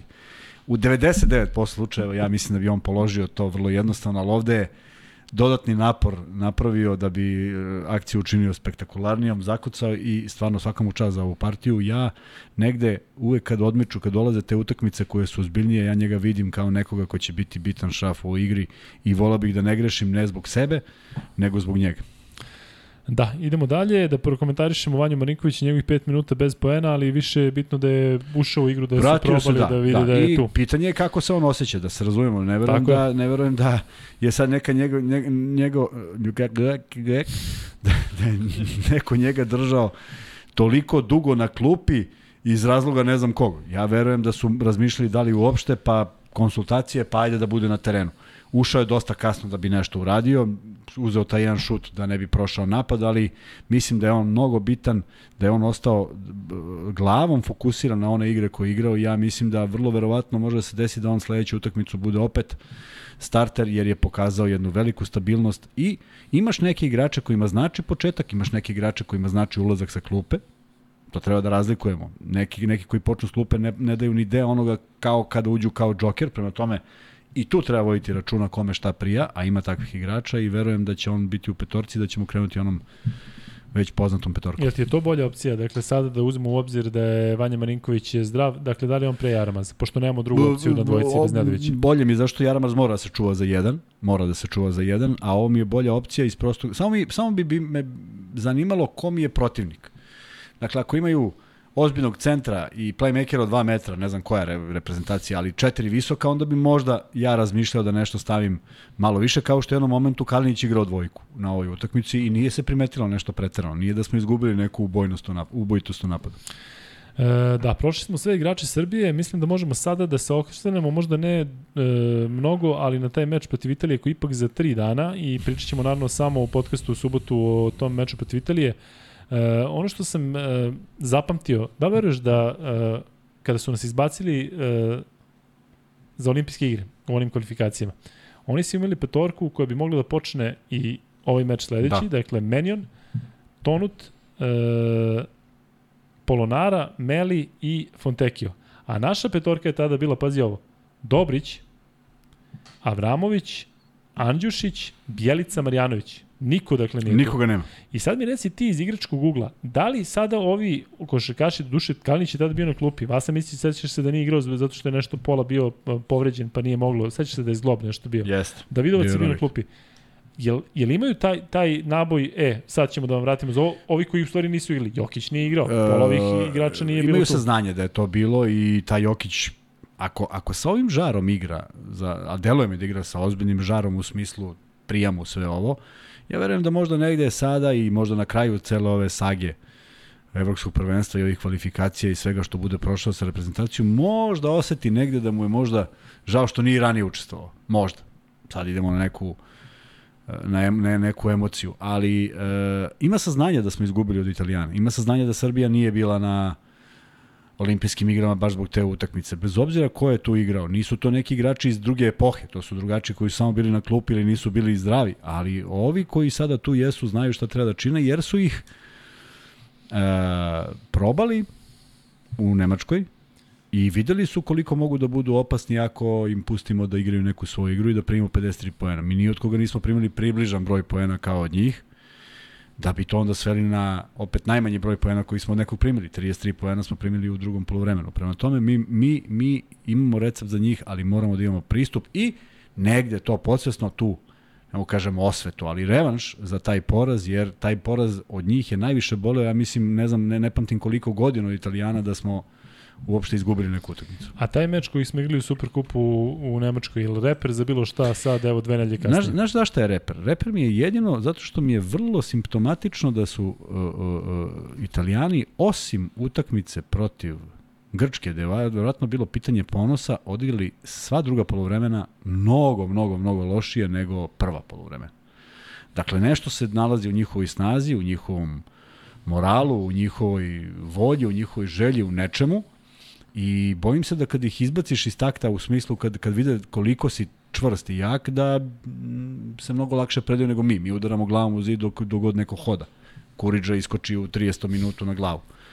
A, tako da moramo da im, da, im, da im pokažemo to od samog početka i ovo što smo gledali na ovom prvenstvu i sve ove utakmice koje sam već spomenuo, mislim da smo tako izgledali. E, Znaš šta mi je, kako mi deluje nemoguće da nas pobedi Italijani? Zato što njih vodi Poceko, nas vodi Pešić. Da li može Poceko da, da na bilo koji način nadmeši Pešića na stranu to kako mi igramo, kako oni igraju? Sve stoji. Mislim da ćemo biti potpuno spremni za utakmicu. Mislim da ne postoji ni jedan igrač koji može da iznenadi nekoga od naših igrača. I dalje mislim da Jokić može da iznenadi i sebe, i nas, i njih, i nekim novim potezom. Nemaju takve igrače. Naročito što neki od njih, kao što je meni, on ne da nisu u formi. Ne znači da on sutra neće Evo, igrati u nekom... neko 30 pojena za pet utakmica kaže da, da je tako igrao dva minuta protiv Tako nas je. u pioniru. Ali to ne znači da on sutra neće da krene je. kao što je onaj Tako D Bost šutno 7-0 pa dao 33 poena. Dakle, to je nešto što je, što je, što je tako kako je. Ja ne volim takve igrače, ali e, očigledno da postoje i treba ih odmah u startu svesti na nešto isprovocirati, ne isprovocirati e, verbalno, nego jednostavno naći šta je slabo u toj reprezentaciji, a mislim da je Italija pokazala mnogo slabosti na svim utakmicama. Zato sam ja rekao da su oni kanta ekipa, pa se to ovde hvata. Dakle, oni su potpuno jedan raštimovan tim. Mislim da nemaju može vođu da- sa klupe, mislim da nema šta da im kaže kad krene, kad krene nizbrdo i, i volao bi da im to pokažemo od početka i da krene nizbrdo i da ne mogu da se vrate, jer se niko nije vratio. Fontekio je tu neko ko se izdvorio, izdvojio kao lider u napadu, a ne znam Jeste. kako misle da brane nas Meli, Biliga, Polonara, ajde da kažem, i Riči fizički jednostavno Slažem se, moramo da iskoristimo Jokić, to. Milutinov, Tako, je. tako je, to- to to moramo je da nevjerojatno. iskoristimo i zato sam zagovornik ovoga da mi igramo to da sačekamo Jokić da dođe, da ne jurimo, da ne srljamo i samo polako i da ih maltretiramo. E, znaš šta je bizarnost? Što je pomoćni trener e, Gian Marko Poceku Carlo e, Recalcati, koji je, ima 76 godina i koji mu je bio trener u Varezeu tamo negde 90 i neke godine. Dakle, dve, tri godine je vodio sigurno on Poceka, pre sad već četvrt veka, i sada je Poceko prvi, a Recalcati drugi. Verovatno je on tu neko ko neki sedi na revanš, klupi, da, neki da, da vidi revanš neke u stvari, smislu neće da zahvalnosti, tako je, neko Da. ko može mu kaže nešto što neko ne vidi. Znaš, ima mnogo tu korisnih ovaj, a, saveta od drugog trenera koji ima toliko iskustvo, ma koliko sporo reagovao, ipak ima mnogo više godina, pa negde, negde mu je možda ovo brzo, što je potpuno razumljivo, ne pričam ni u kakvom pežorativnom smislu, nego jednostavno ljudi ne mogu da prate u tim godinama. Imao sam priliku i presrećan sam što sam radio tih godinu dana sa profesorom Nikolićem, ali Znaš kako je to izgledalo? On kaže stani i ti staniš i onda moramo uh, kontra, rekontra, moramo se vratimo da bi on rekao nešto što ima i tekako smisla. Ali ti moraš da vratiš film gde si bio. Prosto bio je čovjek u godinama koji nije mogao da, da, da zaustavi kad je, kad je zamislio. Tako i ovo, ali verujem da mnogo više saveta mu daje ovaj, upravo taj trener nego neki mlađi ili neki s kojim nije imao saradnju. Ovako ima jedan drugačiji odnos. Međutim, ne sviđa mi se kako Italija igra i ne mislim da ima bilo kakav pečat u toj igri da je dao trener. Jer mi ovde sad možemo komotno da kažemo da ovo što smo igrali sada, a nismo igrali u, u prošli put i nismo igrali u ovim prozorima, da postoji određeni pečat Pešićev. Ne možemo sada da pričamo ništa drugo. Jednostavno postoji sistem igre koji smo prepoznali kao dobar i koristimo ga. Da. Koliko je realno što mi šutiramo iz igre 53%? Koliko E, je to realno da se održi? 53% u dru, Održi ukupno. Ukupno. Da, da. I za 2,61%, za 3,42,6. Ne, Tako to nam je konstantno. To Tako za je. 3 pojene smo 40, Zato što malo pre biramo- 40% je konstantno. Zato što biramo dobre šuteve. Zato što za dva. A, ko šutira za dva? Jokić, Milutinov, Lučić, Kalinić Da, kad se uvali dole, sve urade pametne stvari. Pa i Minedović ima floatera i Armas tako. Ali to su redkosti u odnosu na ono koliko mi Jeste. dajemo poena. Znači ako da, ako šutnemo 30 puta, od toga je 5 puta neki, neki taj. Prodori su nam bili toliko sigurni. Sio danas koš koji treba se pripiše Milutinovu, kad bi mogla da se u tako statistici kad je zagradio da Gudurić prođe do kraja. Znači, zagradio je ne jednog, nego sve livada, igrače. da. Pa da. I to su divne stvari zato što se koristi najbolji mogući. Mogu je to Gudurić da naskoči da šutne. Ja ne, ne sumnjam u njegov šut, šut sa 4 metra, ali on traži bolje rešenje. Vidiš što je čudno s druge strane, u skokovima smo baš ono pri kraju tipa 19 i 24, mislim. To mislim da je povezano svako sa toliko visokim šutom, šutem iz igre da su onda naši makar skokovi malo niži Pa nego da. što bi trebalo. Italija šesta po, u, u, po broju skokova po meču. Ja, ali čini mi se da mi možemo još bolje od ovoga. Možemo to je ono sigurno. što mi, se, što mi se dopada, da mi možemo i s tim procentima da budemo još bolji. A dakle, da, da, e, da tu ima prostora da se napreduje Pa teško, znaš zbog čega teško? Zato što, zato što je 61% izuzetno za 2, 42 tek za 3, znači ne možemo da budemo na 50%, ali opet, opet samo ako su i dobrih pozicija. I mi ćemo izgraditi taj šut ako su oni dobri. Danas nismo imali ni jedan jedini šut koji je bio, sem onaj u poslednjim nekim trenucima kad moraš bolje da uputiš šut na koš. Tako da, ne treba gledati to tako, samo da mi imamo samopouzdanje da šutiramo i da tražimo dobre pozicije, doći će sve to na svoje, a ovo je Vanja u, potpuno u pravu. E, znaš, e, mi ako pogađamo u tom procentu, ne možemo da imamo veliki broj skokova u napadu. Jer smo mnogo toga Naravno. pogodili, je li tako? Da, da. Nema šta da hvataš. Tako je, nema šta da hvataš. Mislim da samo u odbrani treba bolje malo da gradimo. Treba da zagradimo, bolje. ali znaš šta se dešavalo? Na mnogim utakmici se dešavalo da lopta ode na 4 metra. Tu nismo navikli, jer mi kada igramo uh, užu odbranu, stvarno imamo mnogo veliki broj igrača u reketu. I zatvoren je reket. I redko ko skine loptu u reketu da nema neki problem. Ali ove što se odbio na 4 metra, to moramo da pokupimo. Jer su italijani gro šuteva na ovim na ovih pet utakmica, e, ta lopta se odbija toliko nekontrolisano da odlazi na 6 metara. To moramo da skinemo. E, Vanja, ajde kada si već tu i kada pominješ e, reprezentaciju Taman Kuzma da pregledaš šta se dešava na ovim ostalim našim platformama, Da im šta kažeš za moju bradu. Kako će se ovo leto odraziti na Jokića u nagicima? Pitanje za tebe. Pa neće se puno sad menjati što što što. Imaće E, da on odmor sigurno. Pa imaće sigurno neće imati on trening kamp, full trening kamp na primjer. Prvih Pa, par nedelja sigurno ne. On će ući u ritam, možda će biti ono kao prošle godine Dončić da igra sporije prvih mesec dana, pa posle kad je krenuo Dončić od februara nadalje pokida. Mislim da će nešto slično svi ovi koji sad igraju i Janis i uh, Jokić i Dončić i tako to. Imaće možda sporiji početak, ali neće sad to da utiče njih. Mislim, oni su toliko već godina u ligi, znaju svoje telo, znaju šta trebaju da rade, kako da tempiraju formu, mislim da neće nikakav problem biti. Ajde Kuzma malo da prokomentarišemo ovo što se dešava trenutno u, u regionu, dakle nekako kao da ima nekih podbadanja da se rade neke stvari e, s namerom, nešto se priča o e, sukobu Dončića i njegove mame, pa se onda prozivaju neke iz, Joj, izjave da, to je- Nurkića, to je pa onda potpuno ludilo, selektorka, selektorka BiH, jel ti se čini da je tajming nekako da nešto hoće da napravi problem? Šta se dešava?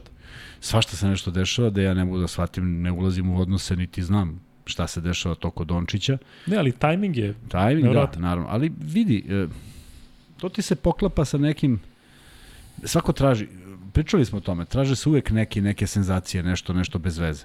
I sad, da li bi se pričalo o nekim stvarima da, da, da su stvari tekle kako je neko zamislio? Znači da nije došlo do toga. Da li to neko zaista iskoristi pa pogodi ovaj moment? Da li hoće nekoga da, da mu skrene pažnju? I, e, vidi šta je?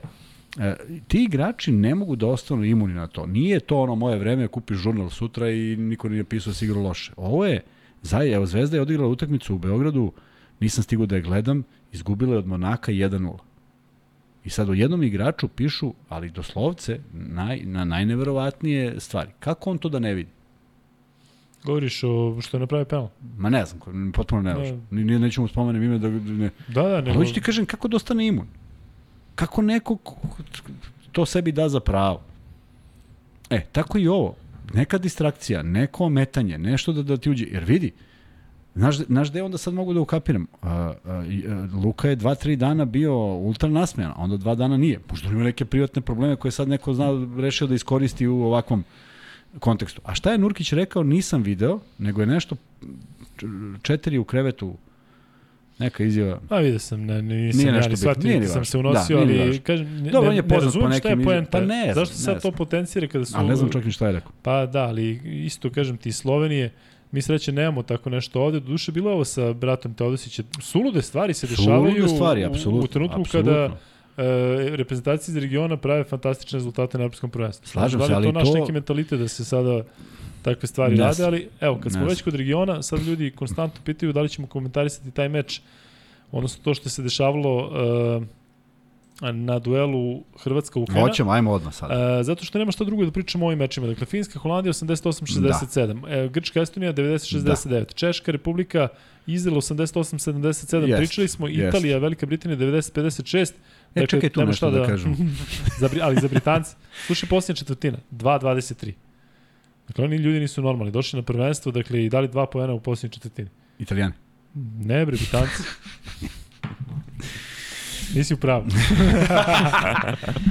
Ovaj, Dakle, Hrvatska, Ukrajina Spektakl, 90-85, e, 90 poena Hrvata, Ukrajinci su sve vreme onako bili na, rekao bih, 2-3 posljeda za ostatka, Hrvatska to dobije i onda na kraju to slobodno bacanje za koje je Bojan rekao da, da nije promašio namerno.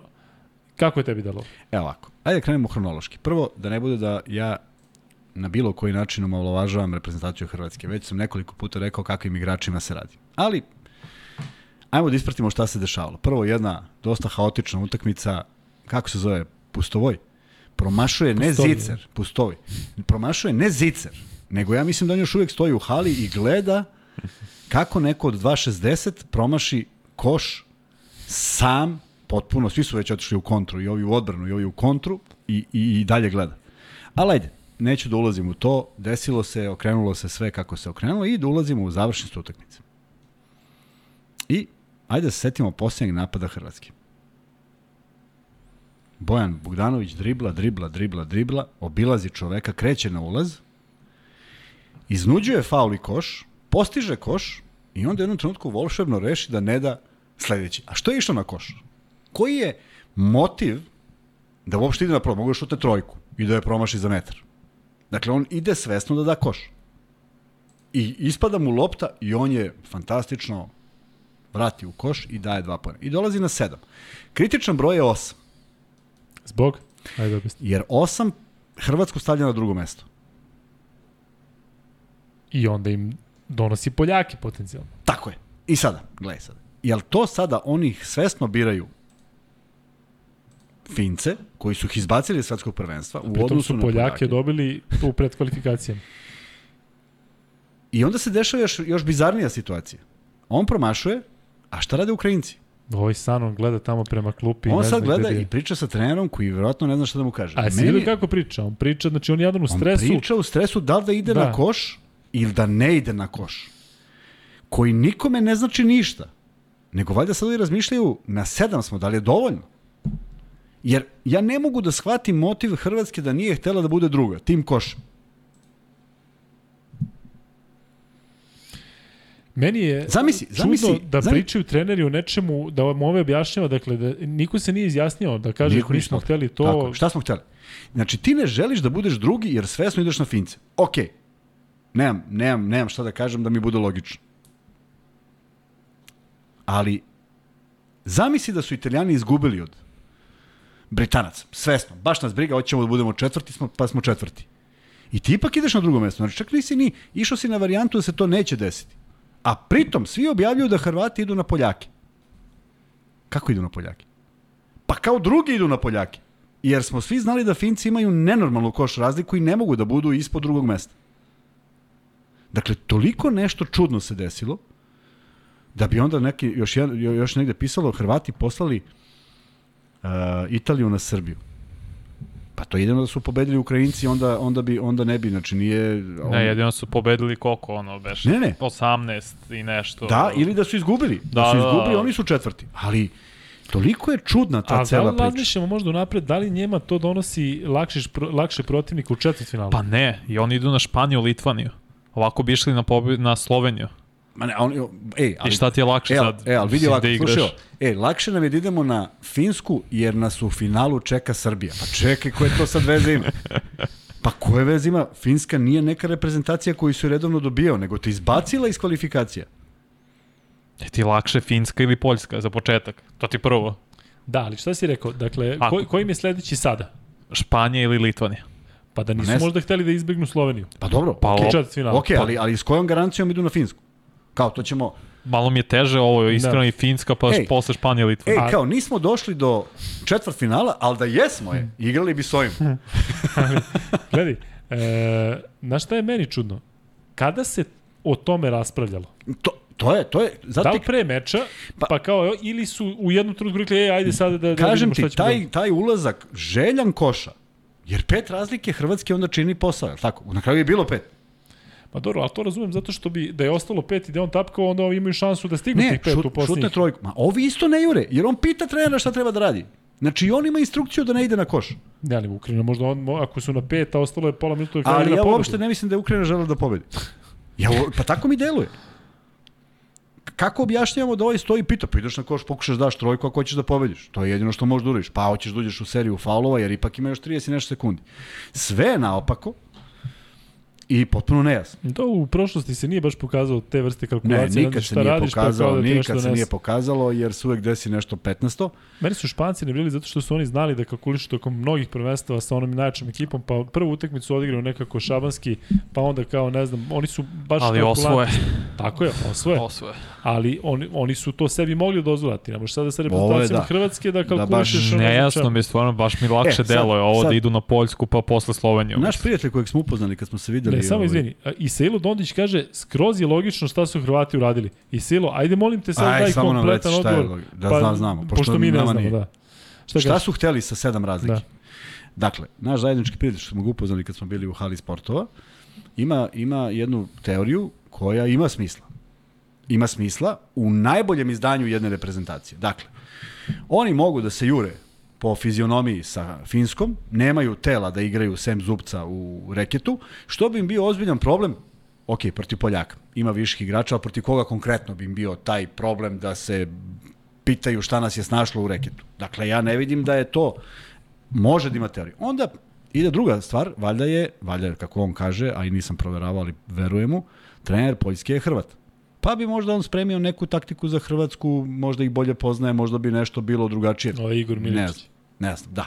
Ne znam, ali mi je čudno sve to, jer izabrati reprezentaciju koja te je pre mesec dana izbacila svetskog prvenstva, razumem, sa željom da im se osvetiš, to bi mi bilo jasno, ali nisi u boljoj formi trenutno. Sad kad vagamo, ko je u boljoj formi, Finska ili Hrvatska? Da smo potpuno objektivni, a trudimo se da budemo objektivni, ja mislim da je Finska. Ja mislim da Finska u svom svom ludilu znaju šta igraju, a Hrvati i dalje ne znaju šta igraju.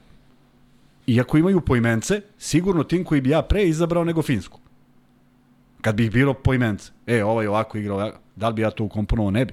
I opet Kruno Simon reši utakmicu. Pa, kao, i, kao i obično, to mi nije čudno. to Igrači. E, pa tu, Pa je najveći problem što on protiv Fince u tom, protiv Finske u tom ritmu ne može da igra mnogo. I drugo, imaće čoveka koji je toliko dosadan da mu neće dati da šutne, jer oni to znaju da brane. Čim treniraju da na- napadaju, znaju da brane. Luka išli bi na Izrael da je dobio Češku. Je to tačno? Da je dobio Češku. Da, Hrvati bi išli na Ne Izrael može da Izrael je četvrti. Da, to onda Ne da može Izrael je četvrti. Poljska je treća. jer Po, Poljska je po- pobedila, uh, Izrael je pobedio dva razlike Finsku i izgubio devet razlike od uh, Poljske. I Izrael ima minus sedam. A ovde kažu da je Petrović sve objasnio u podcastu Inkubator. E, šta li je objasnio nama, nije jasno. Evo, ja moram priznati da nije jasno, posebno na, na onaj način. Ali dobro, ajde da ispucamo drugi free bet kada smo već tu i hoćemo danas da imamo kladionicu kao treći free bet za prvi, za prvi dan u smini finala. Hoćemo da pravimo to? Jel ima smisla? Pa možemo. Treći free bet, da budu četiri meča osmine finala u subotu, zato što u petak nećemo raditi podcast za humanitarne svrhe. Hoćemo? Može, da. Ajde, onda ćemo tako. Da, da, treći da, free da, bet, ispucaj, da. treći free bet je ponovo kladionica, a drugi free bet Vanja hoćeš ti, ili imaš nešto spremljeno ili hoćeš da izbacim ja odmah iz glave nešto? Pa, pa aj, brzo. hoćeš, hoćeš ja. Ajde ti. Koja dva igrača su najviše puta predvodili evropsko prvenstvo po broju poena po meču? Uje.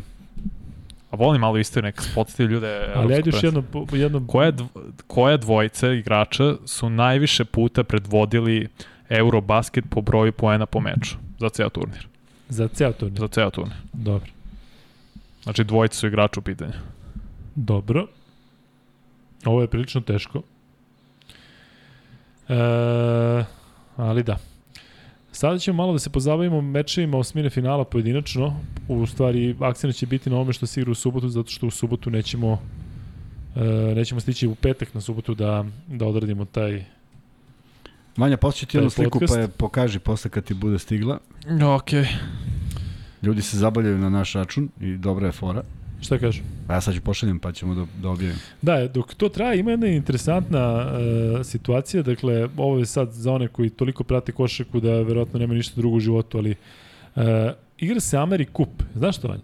Šta se igra? Pa igra kao što je Panda na Evropskom prvenstvu, igra se tamo američki kup. Aha, tamo no, igraju reprezentacije Argentina, Meksiko, Amerika i danas su bili mečevi, ako se ne u četvrt finala. E, I igraju Amerikanci, a znaš ko igra sve za Amerikanci? Ne. Pritom su dobili Puerto Rico nekim nešto nevjerojatno 85-84. Za Amerikanci igra Norris Cole. Pazi sad ovo. Jody Mix. Patrick McCaw. Kako se on, kako se pre, preziva? U Warriorsima. Meka, Da, da, da. E, Gary Clark. Dakle, ne znam odakle su, e, Jeremy Pargo. Dakle, vade neku ekipu, ne znam ka, koja je selekcija tog tima, da ti imaš Jeremija Parga koji igra, ja mislim, onaj Big 3, pa onda imaš Norisa Kola koji je aktivan u Evropi, pa kažem ti sad vadiš neki igrači koji su potpuno ono, e, ne znam gde se nalaze, tako da eto, Amerikanci igraju tamo, Kuzma, jesi ti poslao to što treba Jesam, da, da. mi, čekaj da Poslao sam bet. Vanji. Vanček, ajde molim te samo pomaži na free betu. A, jedan od njih jeste Galis. E, mislim da je Aleksa Zorkija. Nemoj da misliš, Vanja. Ne, ne znam, samo gledam ko, da li ima iznad neko. Zato što mnogo ovih ima. Čekaj, ko ajde sad reci koji je tačan odgovor. E, čekaj. Galis i Korać je tačan odgovor. Čekaj, ima Stefan je iznad njega, samo gledam sve, zato što mi beži. Da, da. Znači, tačan odgovor jesu Nikos Galis i Radio Korać, oni su po četiri puta predvodili. Daj da vidimo onda. Ajde, je to. ajde, mislim... Da li si svuda od Galis Danilović, Galis Jeste, Novicki, jeste, da gledam. Novicki Gasol. Svaka čast ljudima, ja ovo ne bih mogao da, da, da trebalo bi mi vremena Mislim da... da je Stefan Todorović, za njega sad vidim prvog, ali za svaki slučaj sam moram proverim sve. Galis i Dirk. Ja još ne mogu da nađem, da nađem to što ti vidiš. Uh, Stefan je odgovorio u 1 i 23. Ali odgovorio još neko.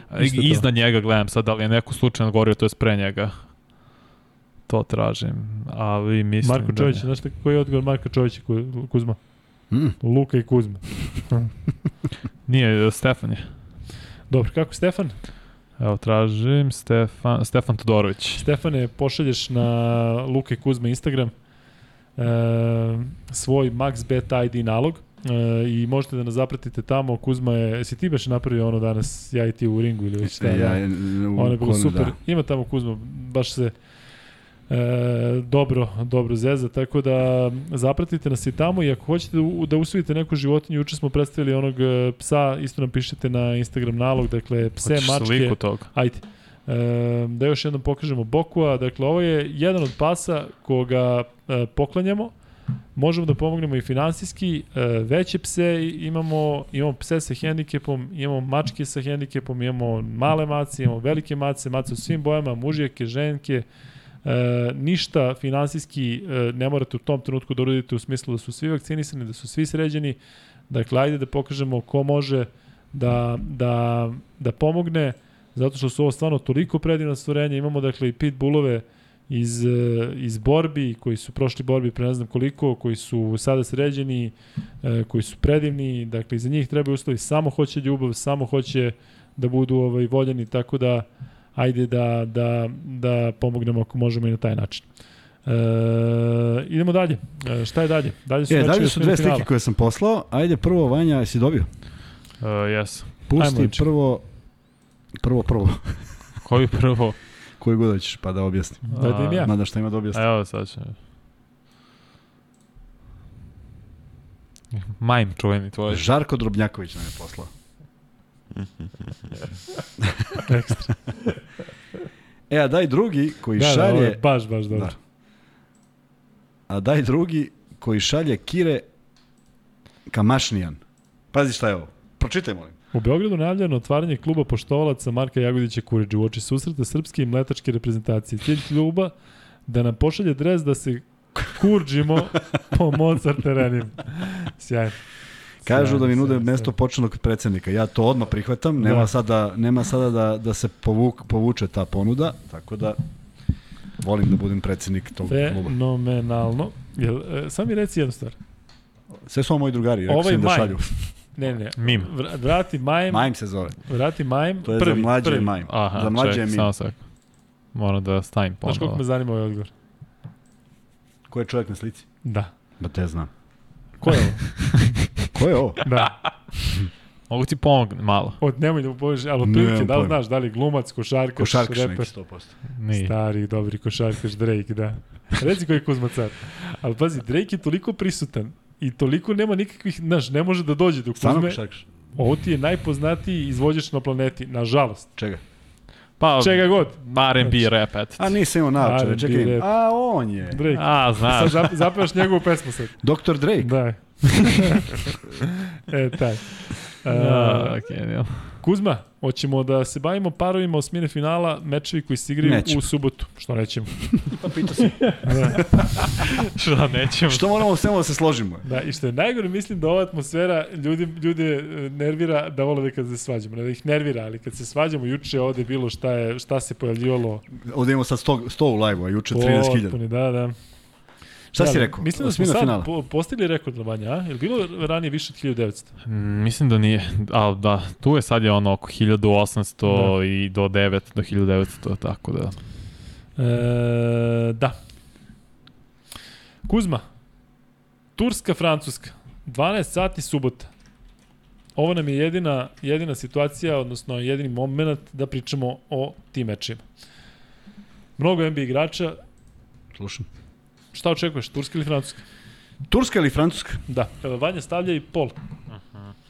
E, dakle, znate, vi koji ste novi, ja vidim da ovdje ima dosta ljudi u live-u, vidim da se dosta nekih novih e, nadimaka javlja u live-u, tako da pretpostavljam da ima i vas koji možda niste bili tu prethodnih dana. Dakle, sada pravimo svi zajedno tiket, Max Battle tiket za humanitarne svrhe, gde ćemo probati da pokušam da e, pogodimo četiri para iz e, prve runde osmine finala, dakle ovi mečevi koji se igraju u subotu i stavit ćemo pool, vi birate koju ekipu i Pol. to će biti fiks.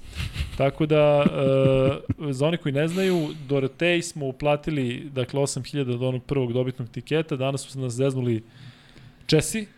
I- Česi. to je to. Sram ih bilo. Da. E,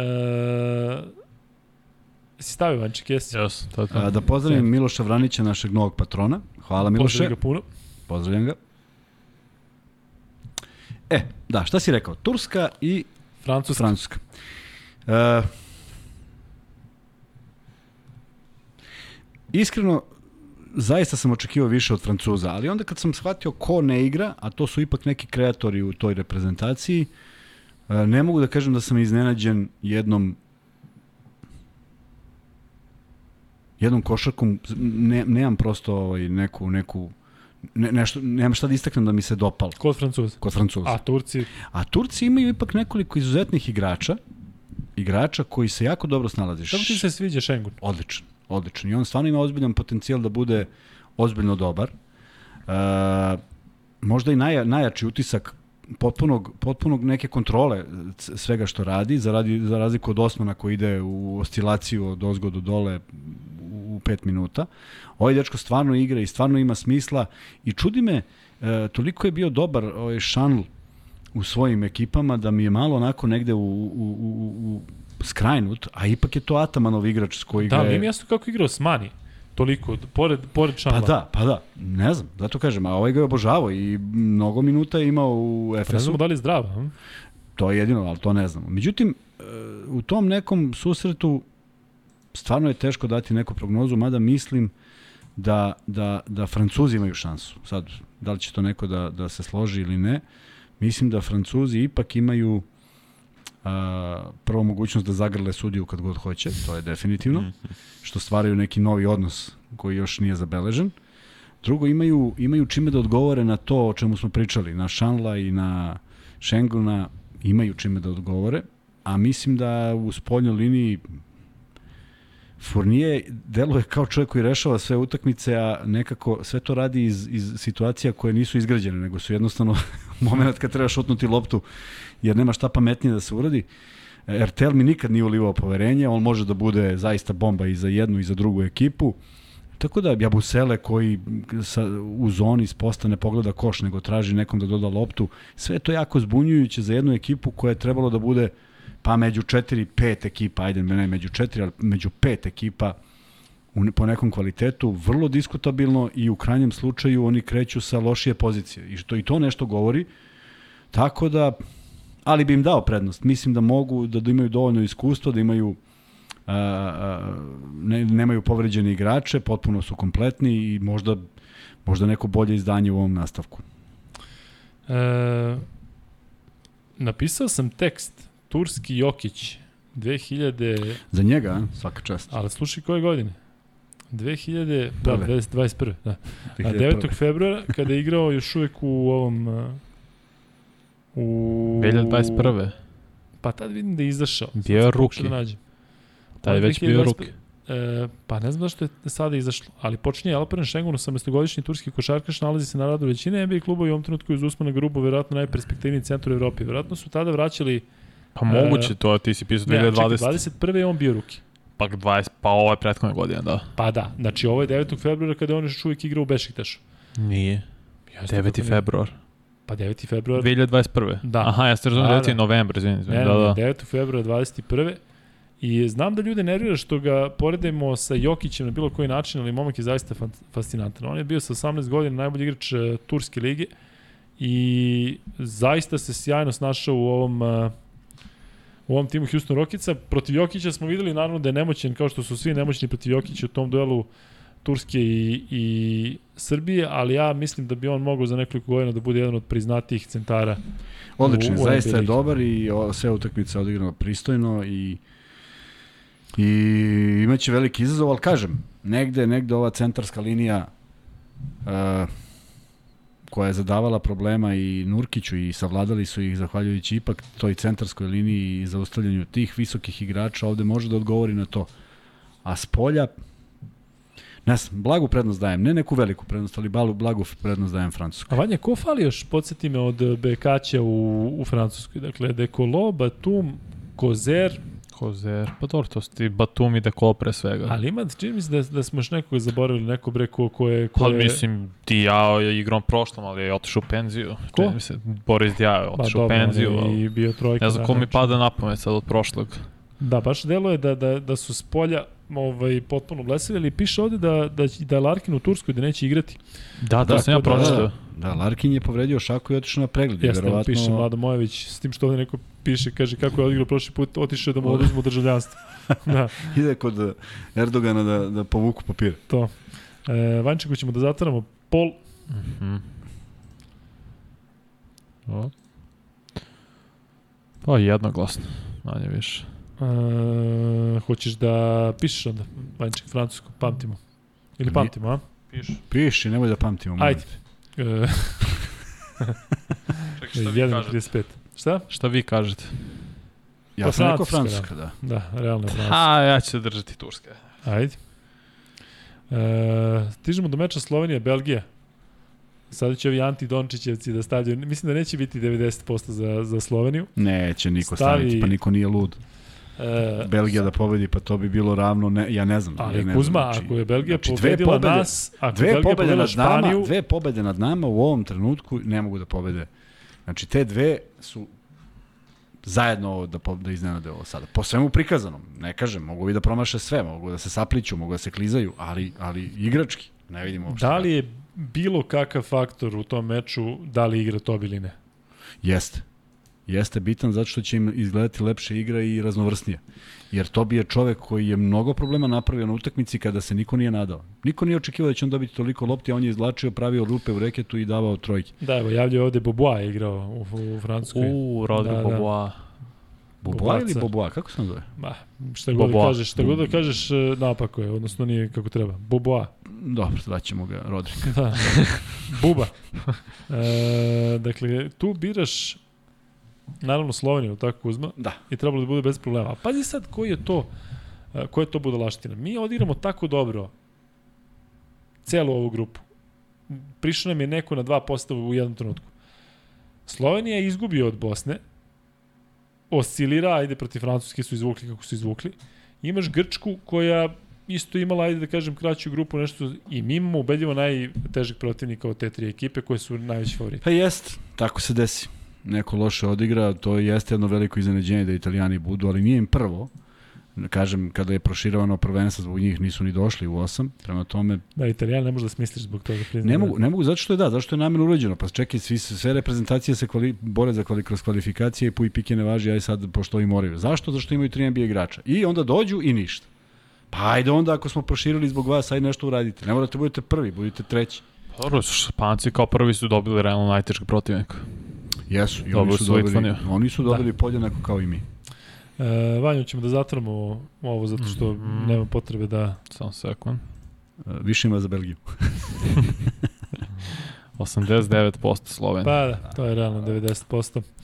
E, idemo sledeći meč da prokomentarišemo. Kuzma, a, Nemačka Crna Gora. Ovo je u stvari najzanimljivije za, za priču. Ajde tu malo du, duže da se zdržimo. Ajde, da se prvo izvinim što sam rekao da je ovaj, uh, Drobnjak iz one generacije nije on je godinu dana ovaj, Je ti neko poslao to ili si Da, sam da, setio? javio mi je, javio je mali, sad ne pitaj me, Dobro. divan dečko koji se javlja često, ali ne mogu ja sad to da baš nađem i vidite da nešto sa imenima mi nije u redu, ceo život. Tako da mi je žao što sam to promašio, ali mi je drago što će Crna Gora nastaviti. I da, i rekao nam je da je u osmini finala od Letonije poražen na, prošlom. Znači ono kad si rekao da li je ovo najveći Da, da, da. Znam da su jednom prošli, ali ne mogu da se setim dok su šta su. Si dobar? Jesam dobar, nego me nerviraju oči. E, E, ajmo i to mi je- to mi je rekao- kako se zove, mali Beljkaš, ali zaboravio sam ime. Znaš od ove Anice, brat? E, znam, samo e, ne mogu se ne mogu se setim imena, a sad sam mi stao mozak da da ga nađem uopšte. Ali on mi je javio. Međutim, jako me raduje ovaj činjenica da su tu gde jesu, zaslužili su to po svemu prikazanom i e, imaju svoju šansu. Ne kažem da da su to šanse u nekim procentima zbog toga što Nemačka igra na svom terenu, zbog toga što igraju dovoljno sigurno, zbog toga što imaju nekoliko igrača od kojih zavisi sve to, ali bi voleo da vidim reakciju baš prema tim igračima. Dakle, da se zaštite Dubljević koliko god može, iako imaju dobre centre, ali Šreder je taj koji, koji drži najviše loptu, da se oni neutralizuju nekako. Ako je moguće. Imaju čime, pa ono što su radili do, u ovim utakmicama kada, kada moraju da zaustave nekoga da zaustave, da bi dali sebi veću šansu da malo poremete igru Nemačke. E, reprezentacija Nemačke se ne sastoji samo od Šredera, ima tu ozbiljnih igrača koji su iskočili, tako da, a opet ovde postoji jedno dovoljno veliko iskustvo od, od, od pojedinih igrača, sam Dubljević ima veće iskustvo, ali eto imaju tih 4-5 igrača koji su kadri da, da naprave problem i da izdrže taj pritisak i e, zaista im želim svu sreću, ali ne mogu da ih stavim u, u red favorita, ne mogu da ih stavim da, da, bih, da se nadam pobedi, ali je priželjkujem.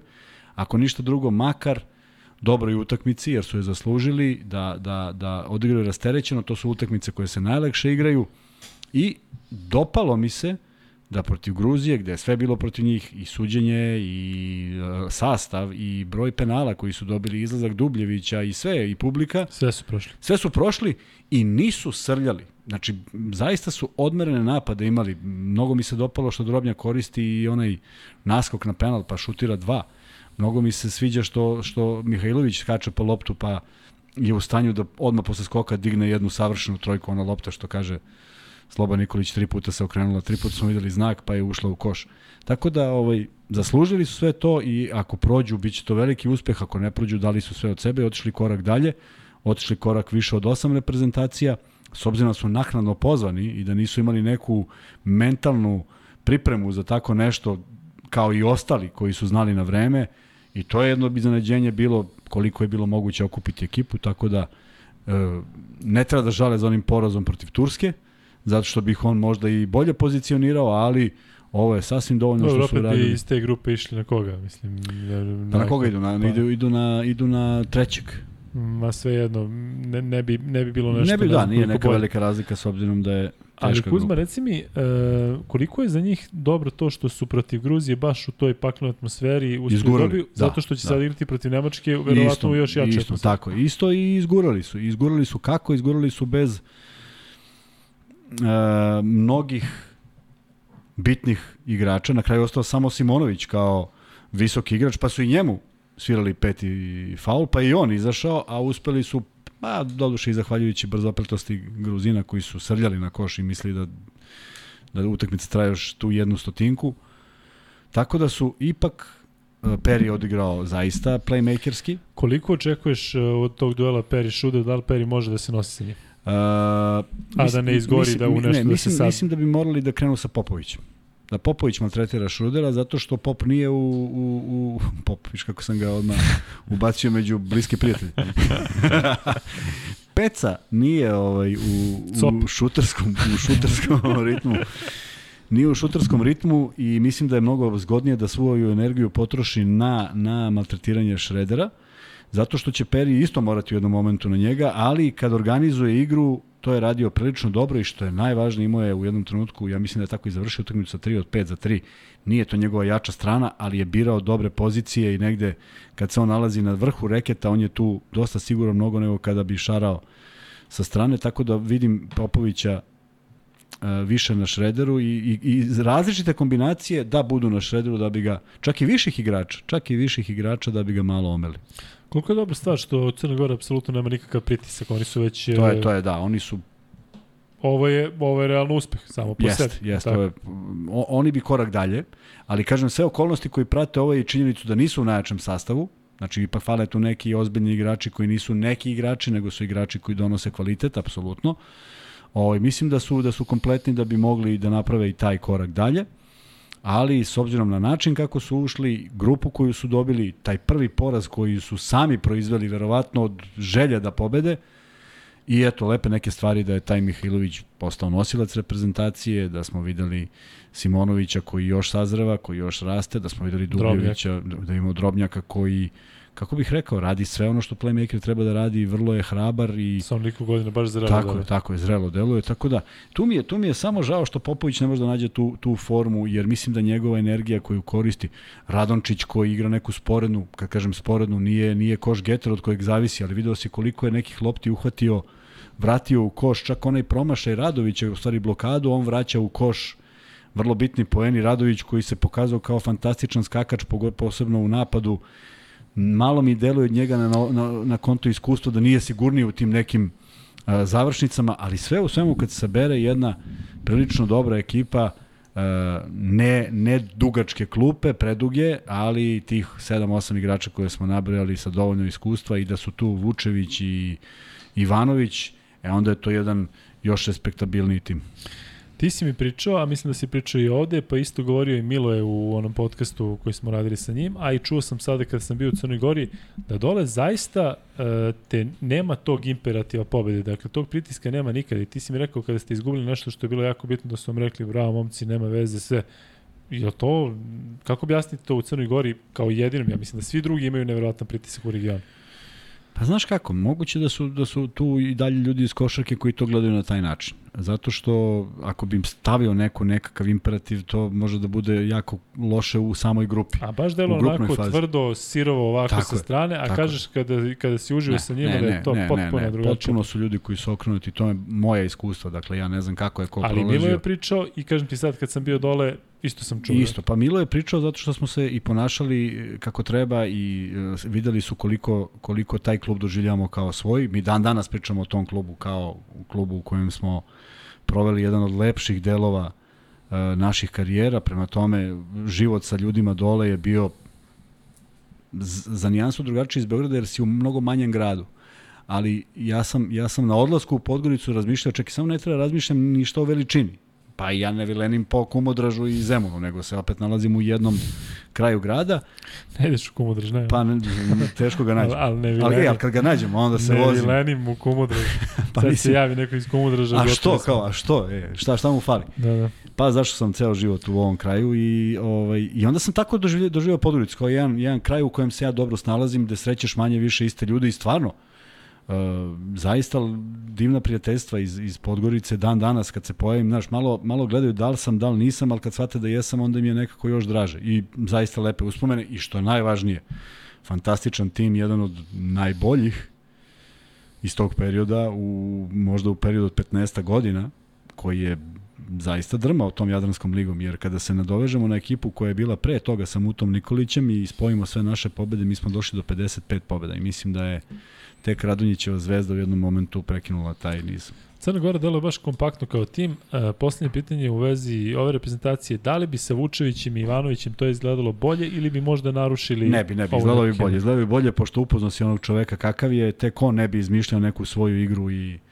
i želeo da se nešto on nametne uh, na neki na neki loš način, mislim da bi igrao da, za ekipu. Dvojicom, to bi bilo... Pa znaš ti šta bi to bilo u reketu, mislim koliko bi to bilo drugačije sa jednim Ivanovićem koji igra nesebično i uh, koji je bio pokretač i nikad neću zaboraviti onu trojku u punoj areni, možda ne punoj, ali u bez areni, koske, bez koske, tako da dečko koji je, koji je ovaj, zaista pravi kapitan i pravi vođa ekipe i mnogo nedostaje, bez obzira što mi sad vidimo, el, tu je prilika za nekog drugog, znaš, pitanje je drobnja koja je minutaže. Pitanje je Perijeve minutaže, pitanje je Mihajlovićeve minutaže.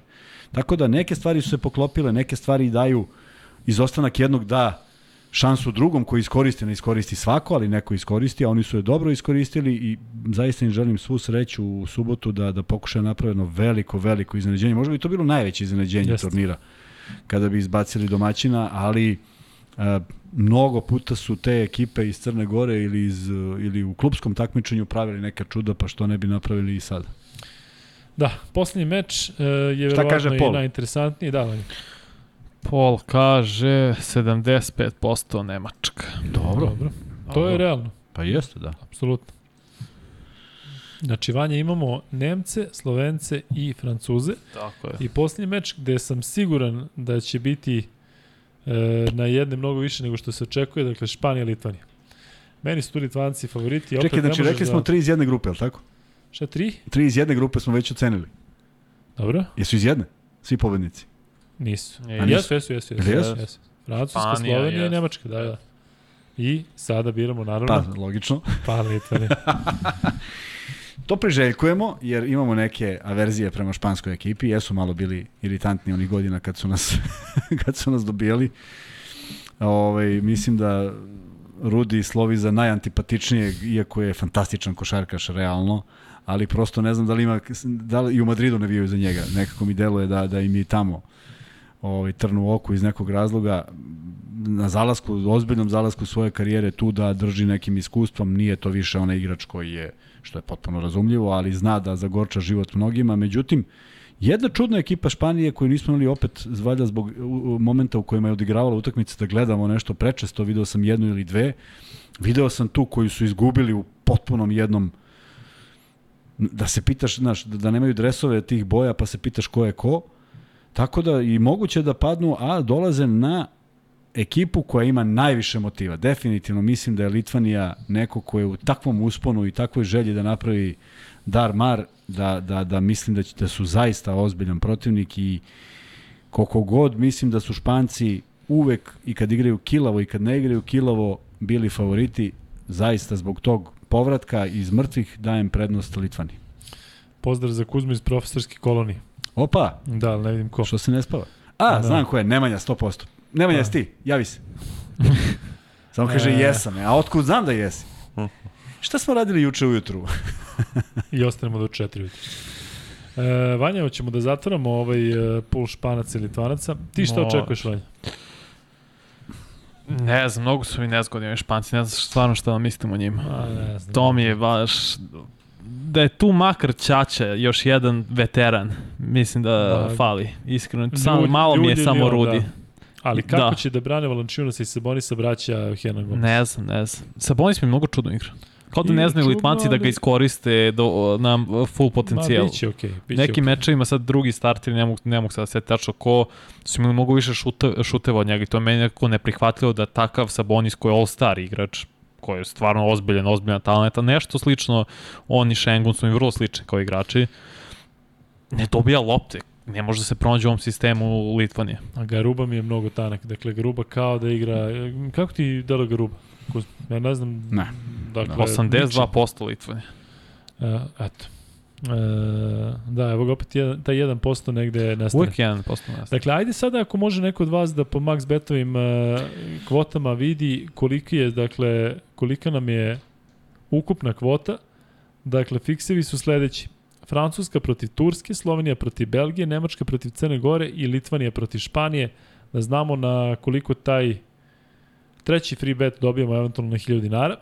E, Sada bi mogli da pređemo i na, na pitanja, vaša pitanja, dakle sada možete postavljati pitanja slobodno random, ali Kuzma, ajde prokomentariši ono što je danas e, bilo, došlo onako kao prilično iznenađujuća vest, da će Duško Jošević da bude konsultant u e, studentskom centru. Studentski centru. Za studentski centar i tamošnje igrače sigurno nešto što su u prošlosti konkretno profesor Nikolić radio u Partizanu sa Željkom Obradovićem, tako da je ta uloga savjetnika koji nije mnogo eksponiran jer Dule nije zdravstveno neko ko bi trebalo da se bavi baš i da ima tu količinu stresa, ali sigurno za neke a, akcije, za neke neki rad sa mladima, zato što je on u onom svom početnom periodu uveliko radio s mladima. U mom periodu kad sam ja bio u budućnosti, on je vodio juniore budućnosti pre povratka u Partizan, onda imao jako mlade igrače, tako da zna da njima da od njih napravi uh, nešto, samo je pitanje koliko je koliko je sluha dole za, za taj period ko, po koji to koji neće trajati tako što je došao Dule i rekao ovo je dobar i on postane dobar, nego je to nešto što se gradi godinama. Mislim da je već bilo nešto sa, sa Nenadom Trajkovićem, pa je prekinuto, pa je bio ne, ne mislim za Skunici centar, nego za Crnu Goru, pa je bio Gašić dole, pa i da, to prekinuto. bio u Sutjeci. U, su- zato kažem, bili su neki projekti koji Da, su da. prekinuti, tako da ovde treba uvek strpljenja, a, a to je ono što nedostaje pa celom regionu. Mislim da nije, mislim da se nešto desilo, ali ajde, nema veze, za Trajkovića znam da više nije dole. U svakom slučaju ne može to preko noći i problem je ako neko misli da će tim dolaskom da se nešto desi, ali čovjek koji očigledno želi da radi i da prenese neko svoje znanje i da pokaže nešto igračima zato što to im, zato što ima ogromno iskustvo i vidjet ćemo kako će to izgledati. Ali studentski centar smo spomenuli prošle godine kao jedno od najprijatnijih iznenađenja, nisu respektovali nikoga, taman onoliko koliko je to potrebno. Igrali da, su vrlo smo ih mi ovde i hvalili. Jesmo, pa da, igrali su vrlo interesantnu košarku, pa to kažem, prošle godine smo ih spominjali. I ja bih volao da oni budu neko ko će donese nešto novo, neki nov talas i da budu još bolji nego prošle godine. Kažu ovde, držite bar još 25 minuta dok ne počne NFL. Ovdje stignem na taj ene. da. Pitajte Vanju kako se on osjeća. to. Ako je kvota 2.33, onda bolje samo platiti tih 1000. Ne znam da li je to nešto premala kvota 2.33. Ne može bude 2.33, mora bude Na veća. četiri meča, pa Ba, to da. baš. A ne može da bude malo. Pa dobro, ima da vremena do subote. E, da. Kuzma, Izrael, Poljska i Finska pravi krug da je Izrael dobio i tada bi Poljska bila četvrta zato što su izgubili 30 razlike od Finske. Vraćaju se ljudi na ovo od malo pre. Ma znam, ali ne ide Hrvatska na Poljsku nikako, to sam rekao. Idu na Finsku. Ko će da čuva Jokić, Italija nema centar, čuvaće ga verovatno Meli. I verovatno će, kada treba da ga iseče falom, onda će da stavljaju Ričija i Biliga, ne znam šta može da uradi Jokiću, tako da to Re, je... Čekaj, izvini, rekli su Finska, jel tako, šta su rekli? Finska, Izrael i Poljska. O, pa idemo Da. kalkulacije. Ne, ne, ne, ne, ne kalkulacije. U kom momentu ide na Poljsku Hrvatska? Samo kao prva. Na, ako je Hrvatska... Samo kao prva ili ako pobedi Poljska, kako izgubi Izrael, kao druga. Dakle, nikako sa treće i četvrte pozicije Hrvatska nije mogla da ide na Poljsku. To je ono što ja govorim. Objavili su da ide na polje. Ne ide.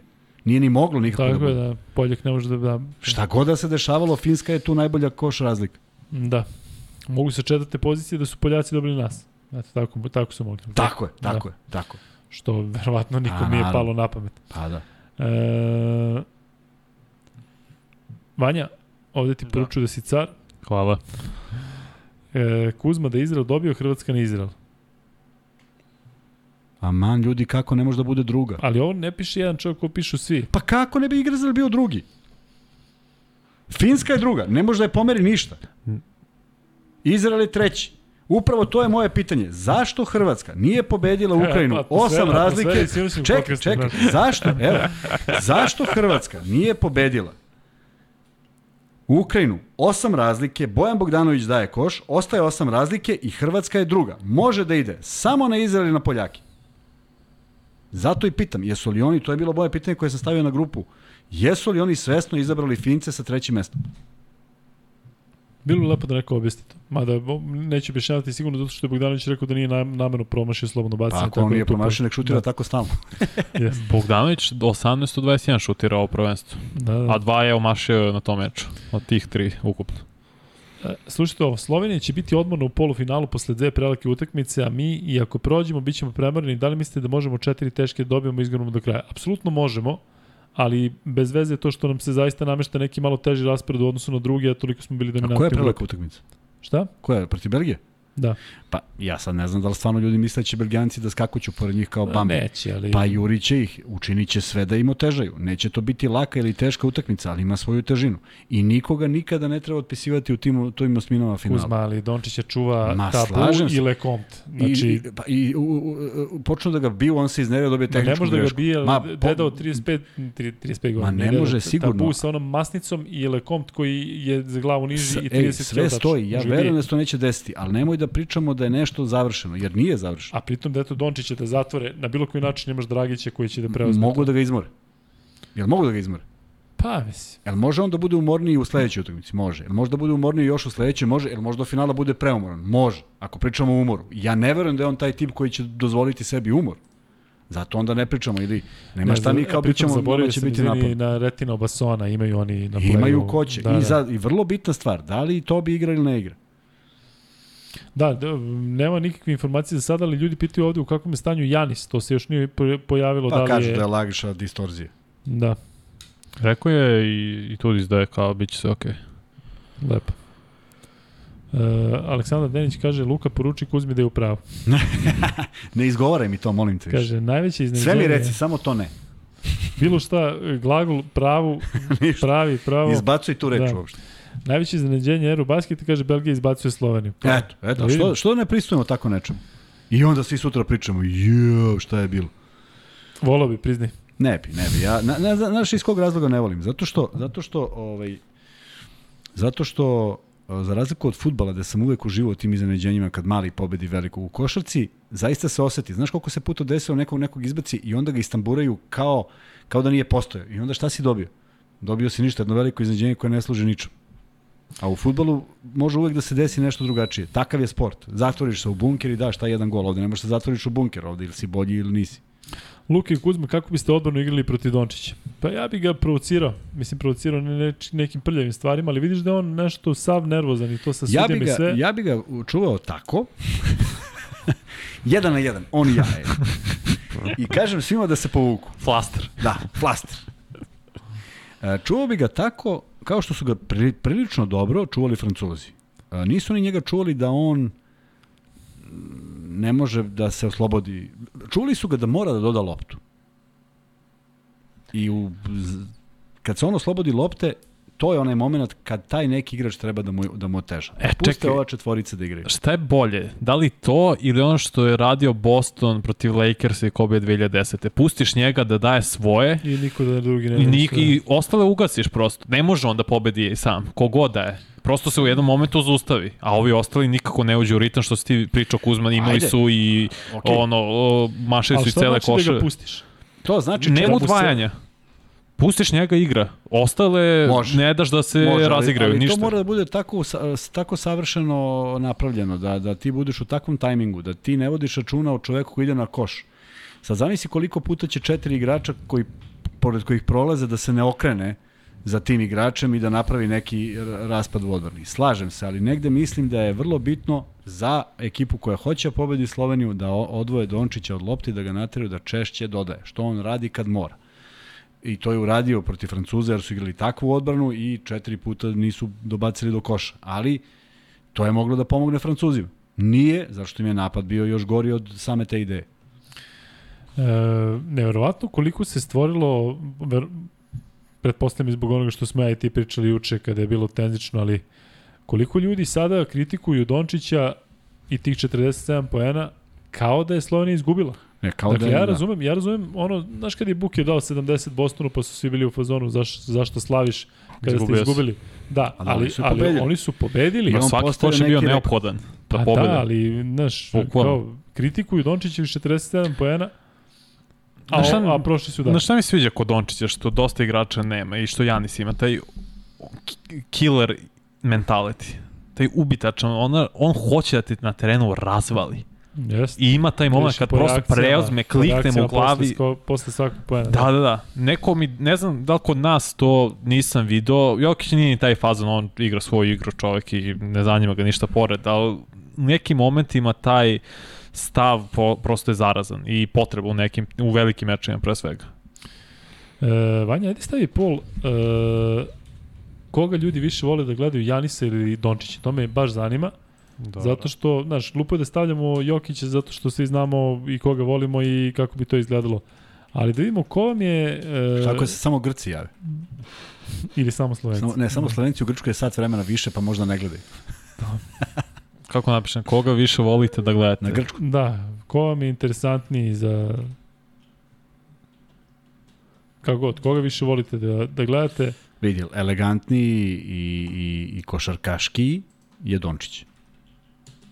Ovo je atletika van serijska. Jeste, pa zato i pita, potpuno ovo je, drugačije. Da, ovo je, drugačije. ovo je koji igra elegancija. glavom i koji ovo igra je na... elegancija. Ovo je finta, sve što treba. A pitanje za vas, da li se vama čini da je Luka u jako lošem fizičkom stanju? Čini mi se kao da ima jedno 5 do 10 kg više. To ima od početka, utakmici. da, ali- ali zato dobro je on sve to ovo nosi. još fascinantnije. Da, da. E, pitali su šta je sa sa Gudurićevim fintama šuta kada nema nikoga oko njega. Da? ne znam, nisam primetio zaista. Da jeste, meni dalo da je onako bilo čudno. E, Ne, ne sećam se koji moment. Kuzma, hoćeš pratiti sve meče u subotu i nedelju? Ili imaš nešto? E, ne, ne, samo to ću da radim, ništa samo. Nemam ja neke ću obaveze. prenositi nešto, vidio sam da sam u planu, ne znam šta ću E, prenositi. ne mogu ali, sve, ne mogu sve jer mi je mnogo košarke. Ali dobro je što su ih razdvojili tako da može sve da se fizički Jesu, ali je potpuni paradoks da igraju Grci kao prvi u 12. Što je pretilo i nama u nekom momentu, pa valjda nećemo. meče u 12. Ranije je bio onaj termin u ne, 12.30 ne, u KLS-u. Ne, nikad nije bilo naše vreme. Pola, e, četiri, zbog TV prenosa. Četiri, kad ti neko kaže, ja, to znači da si u stvari u, u Ni u petak... kupu, ništa. E, a znaš šta je bilo dobro? To je značilo da u petak imamo jedan trening. Milina? Mm. E, Vanja, možda zatvoriš pol da vidimo šta kažu ljudi.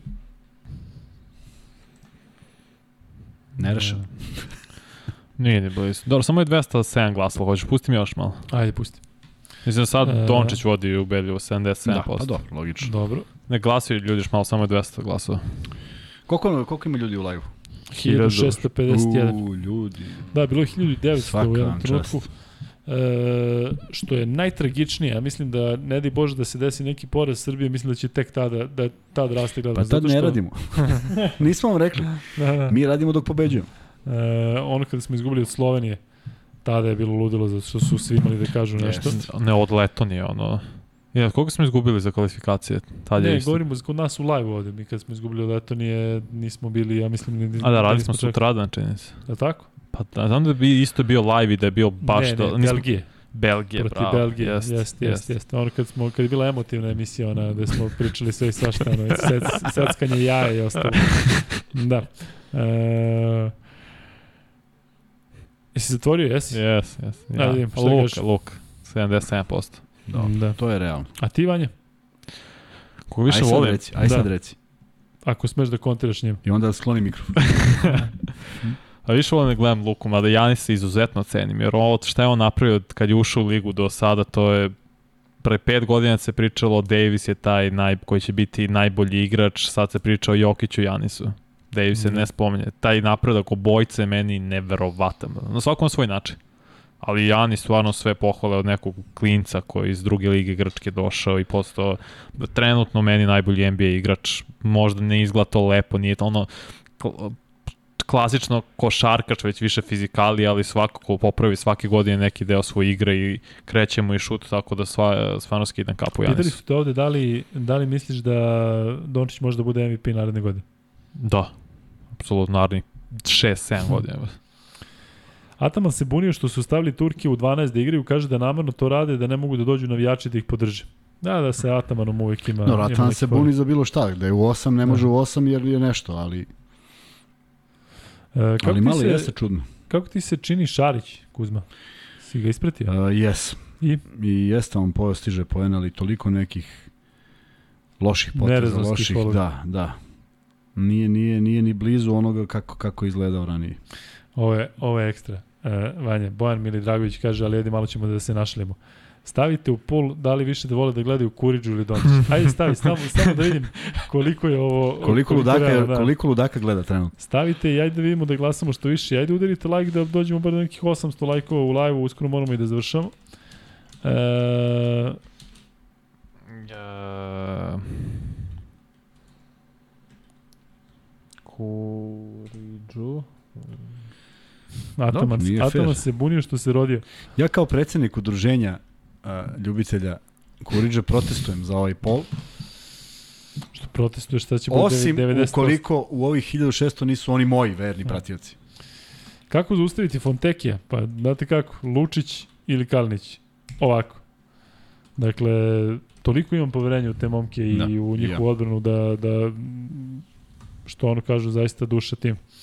E, jesi stavio Vanček, a? Daj mi 10 sekundi, bukvalno. Da. Pišite svi na Insta Kuzmi da je u pravu. Pamujte ga s javite mu se, porukama. i ovam broj Da. telefona se javite ujutru. Koga Da. nije... Evo ćemo da pustimo neko vreme. E, Kuzma, šta još imamo za, za ovaj kraj podcasta da kažemo? Dakle, još jednom, petak ne radimo. Petak ne radimo, odmaramo malo da spavamo u, u jednom u, u, u nedelju dana u ovom periodu. E, ajde E, sada da pričamo ovo. E, Kada sad si ćemo da imamo, nešto i kada ćemo da imamo u subotu podcast? Kada možete? Ajde sad, da, evo, to da, to da mi kažeš. Kad je poslednji meč? U 9 Evo sad gledam. ili pola?